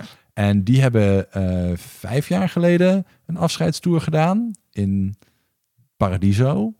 En hij is nu eigenlijk door corona en verveling in zijn eentje dan maar muziek gaan maken. Mhm. En als je dat luistert, denk je, eigenlijk was hij gewoon de band. Hij Hmm. speelt elk instrument. En het is gewoon kerstverse muziek die weer klinkt zoals toen. En hij gaat ook liedjes van hem spelen als die Mm. komend jaar maart in Paradiso staat. Dus daar ben je Ben ik bij. ook bij. Ja, daar ga ik echt hard op. Ja, snap ik. Emiel, Yes. Waar kijk jij naar uit? Ehm, nou, het is zo. Het bestaat, zit al een tijdje staat het op Hulu. Mhm. Maar omdat we dat in Nederland... eh, hebben we dat in Nederland eigenlijk, Hulu? Een Nee. deel van Hulu staat op Star. Dus dat werkt met Disney en merken. Is dat een beetje, loopt dat allemaal door elkaar? Een groot deel. Een groot niet deel staat op. Star, maar niet alles. Bijvoorbeeld Handmaid's Tale, daar heeft Ziggo dan kan weer ook, het kan ook zijn dat, dat die inderdaad series zijn gekocht door andere streamingdiensten. Ja. Zo ook The Patient. Eh, dat wordt namelijk mm, afhankelijk van wanneer deze Ik aflevering zoek op waar online het staat en dan zeg ik ook welke. op Maar waarschijnlijk, als je dit luistert, staat hij al online op Disney+. Plus. Eh, en The Patient en de, de tagline is eh, Serial Killer Abducts Therapist. En het gaat over een, eh een, een, een seriemoordenaar en die, eh, die, zit met een, ja, die zit met een probleem. Hij wil namelijk eh, therapie, want hij heeft een, een urge to kill. Hè? Net als, als ook een seriemoordenaar. Alleen, ja, je kan daar toch moeilijk met je therapeut openlijk over praten. Want zolang je niet aankomt... Want een therapeut, daar, die, dat is vertrouwelijk. Zolang je niet aankomt omdat je een strafbaar feit wil Ja, begaan. ja. Maar dat is nou juist, zeg maar, zijn, zijn, zijn crux. En, eh, Dat is wel een eh, dingetje, ja. een dingetje. En deze seriemoordenaar die, eh, die besluit dan vervolgens om dan maar zijn therapeut te, te, eh, te ontvoeren. Is dit een comedy? Nee, nee, nee, nee. nee. Ik, vert- ik Oh. vertel het nu eh, eh, eh, li- licht komisch. Maar nee, moet even is, vertellen welke acteurs dit zijn. het is een, een thriller. Eh eh Donald Gleason en Steve Carell. Steve Oh, Carell. Maar, wel, maar gewoon een, een hele goede, eh, eh, goede tagline, goed concept. Ehm, benieuwd wat ze ervan maken. Ik heb ook een serial killer tip. Oh. Eh, of tenminste, een serial killer vooruit, vooruitblikken dingen waar ik weet niet of ik er echt zin in heb. Maar er is een nieuwe American Horror Story eh, te zien. Eveneens op ehm, Disney Plus. NYC heet die. En eh, het gaat over de AIDS-epidemie in de jaren 80 in New York City. Dus dat is wel echt iets wat ik wil kijken. Maar ehm, ook daar gaat het dan dus over. Er is een serial killer actief in de gay clubs. Ik weet niet, ik denk dat het te corny is. Ik ben een beetje afgehaakt bij American Horror Story, bij Freak Show al. En ik heb het idee dat dat seizoen 7 was. En ik zie nu dat er ondertussen 11 seizoenen zijn. Dus volgens mij heb ik ook nog een heleboel gemist. Ehm, ik weet niet of ik het echt wil zien, maar het is er in ieder geval Nee. wel. Misschien zal ik hier later over terug rapporteren. Eh, zelf heb ik zin in... Nee, ik vond, ik vond het lastig. Aankomende tijd komt er niet heel veel uit aan film en serie waar ik heel veel zin in heb. Dus mijn tip komt volgend jaar maart pas. Jezus, stom. Nee, dat kan niet. Doe het gewoon. Eh, John Wick 4. En waarom heb ik daar zin? Ja, Ik ga het, echt noteren. Je mag het John dan Wick. niet. ik je mag, het niet in meer februari Nee, nog nee, een keer nee, ga ik niet doen. Dat ga ik absoluut niet doen. Dat beloof ik hier plechtig. Eh, ja, eh, wat moet ik erover zeggen? Het is nog een John Wick. Gewoon lekker. Gewoon lekker. Ja, Ja. Is, is- ik snap het helemaal. Ik, ik voel het, ja. Ja. Dat, eh, dat, dat, dat, Nee, dat was mijn Tom, vooruitblik. Ja, ik, ik maak me heel nee. makkelijk vandaag. Ja. Ja, ik wist het. Ik ging echt door die lijst en ik zag alleen maar... Eh, eh. Dit is wel de genoemd- ultieme... Het zou niet mogen bestaan. Maar ik ga er toch van genieten, film. Ja. Want die serie had natuurlijk nooit voorbij één film moeten komen.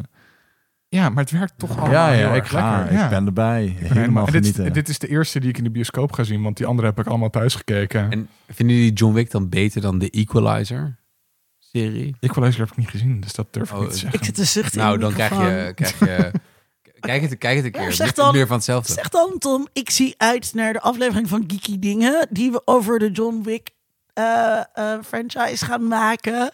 maar we hebben het al over de John Wick films gehad in onze kerst met Keanu aflevering. Nee, niet toch? echt. Nee? Nee, want Nou, ik Oké, heb dan, nooit gaan- dan John gaan we Wick er aflevering over. Wat?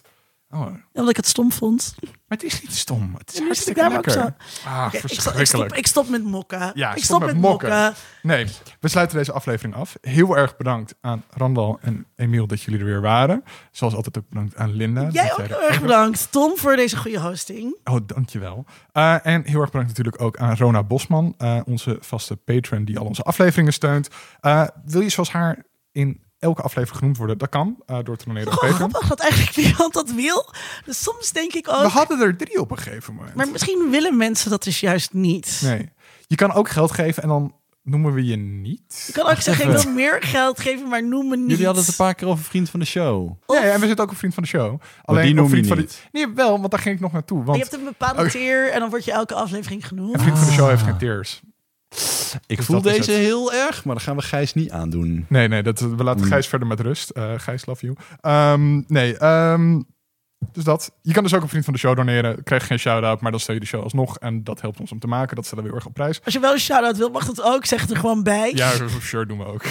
Ja, we zijn volledig echt. We doen alles wat Zo- jullie willen. Zo voor duur zijn we niet. Nee, we zijn er heel makkelijk mee. Als je ook niks geeft en gewoon een keertje een berichtje stuurt. Ja, sure, ik noem je naam in de aflevering. Oh, en, dan niet, leuk. en niet te Nee, vergeten. Tom, nee, Tom, nee, dit. Ja, niet te vergeten, ik heb vroeg vandaag, eh, of eh, gisteren aan Tom van, zullen we een eh, special maken of een bonus content maken over uh, Wakama Forever?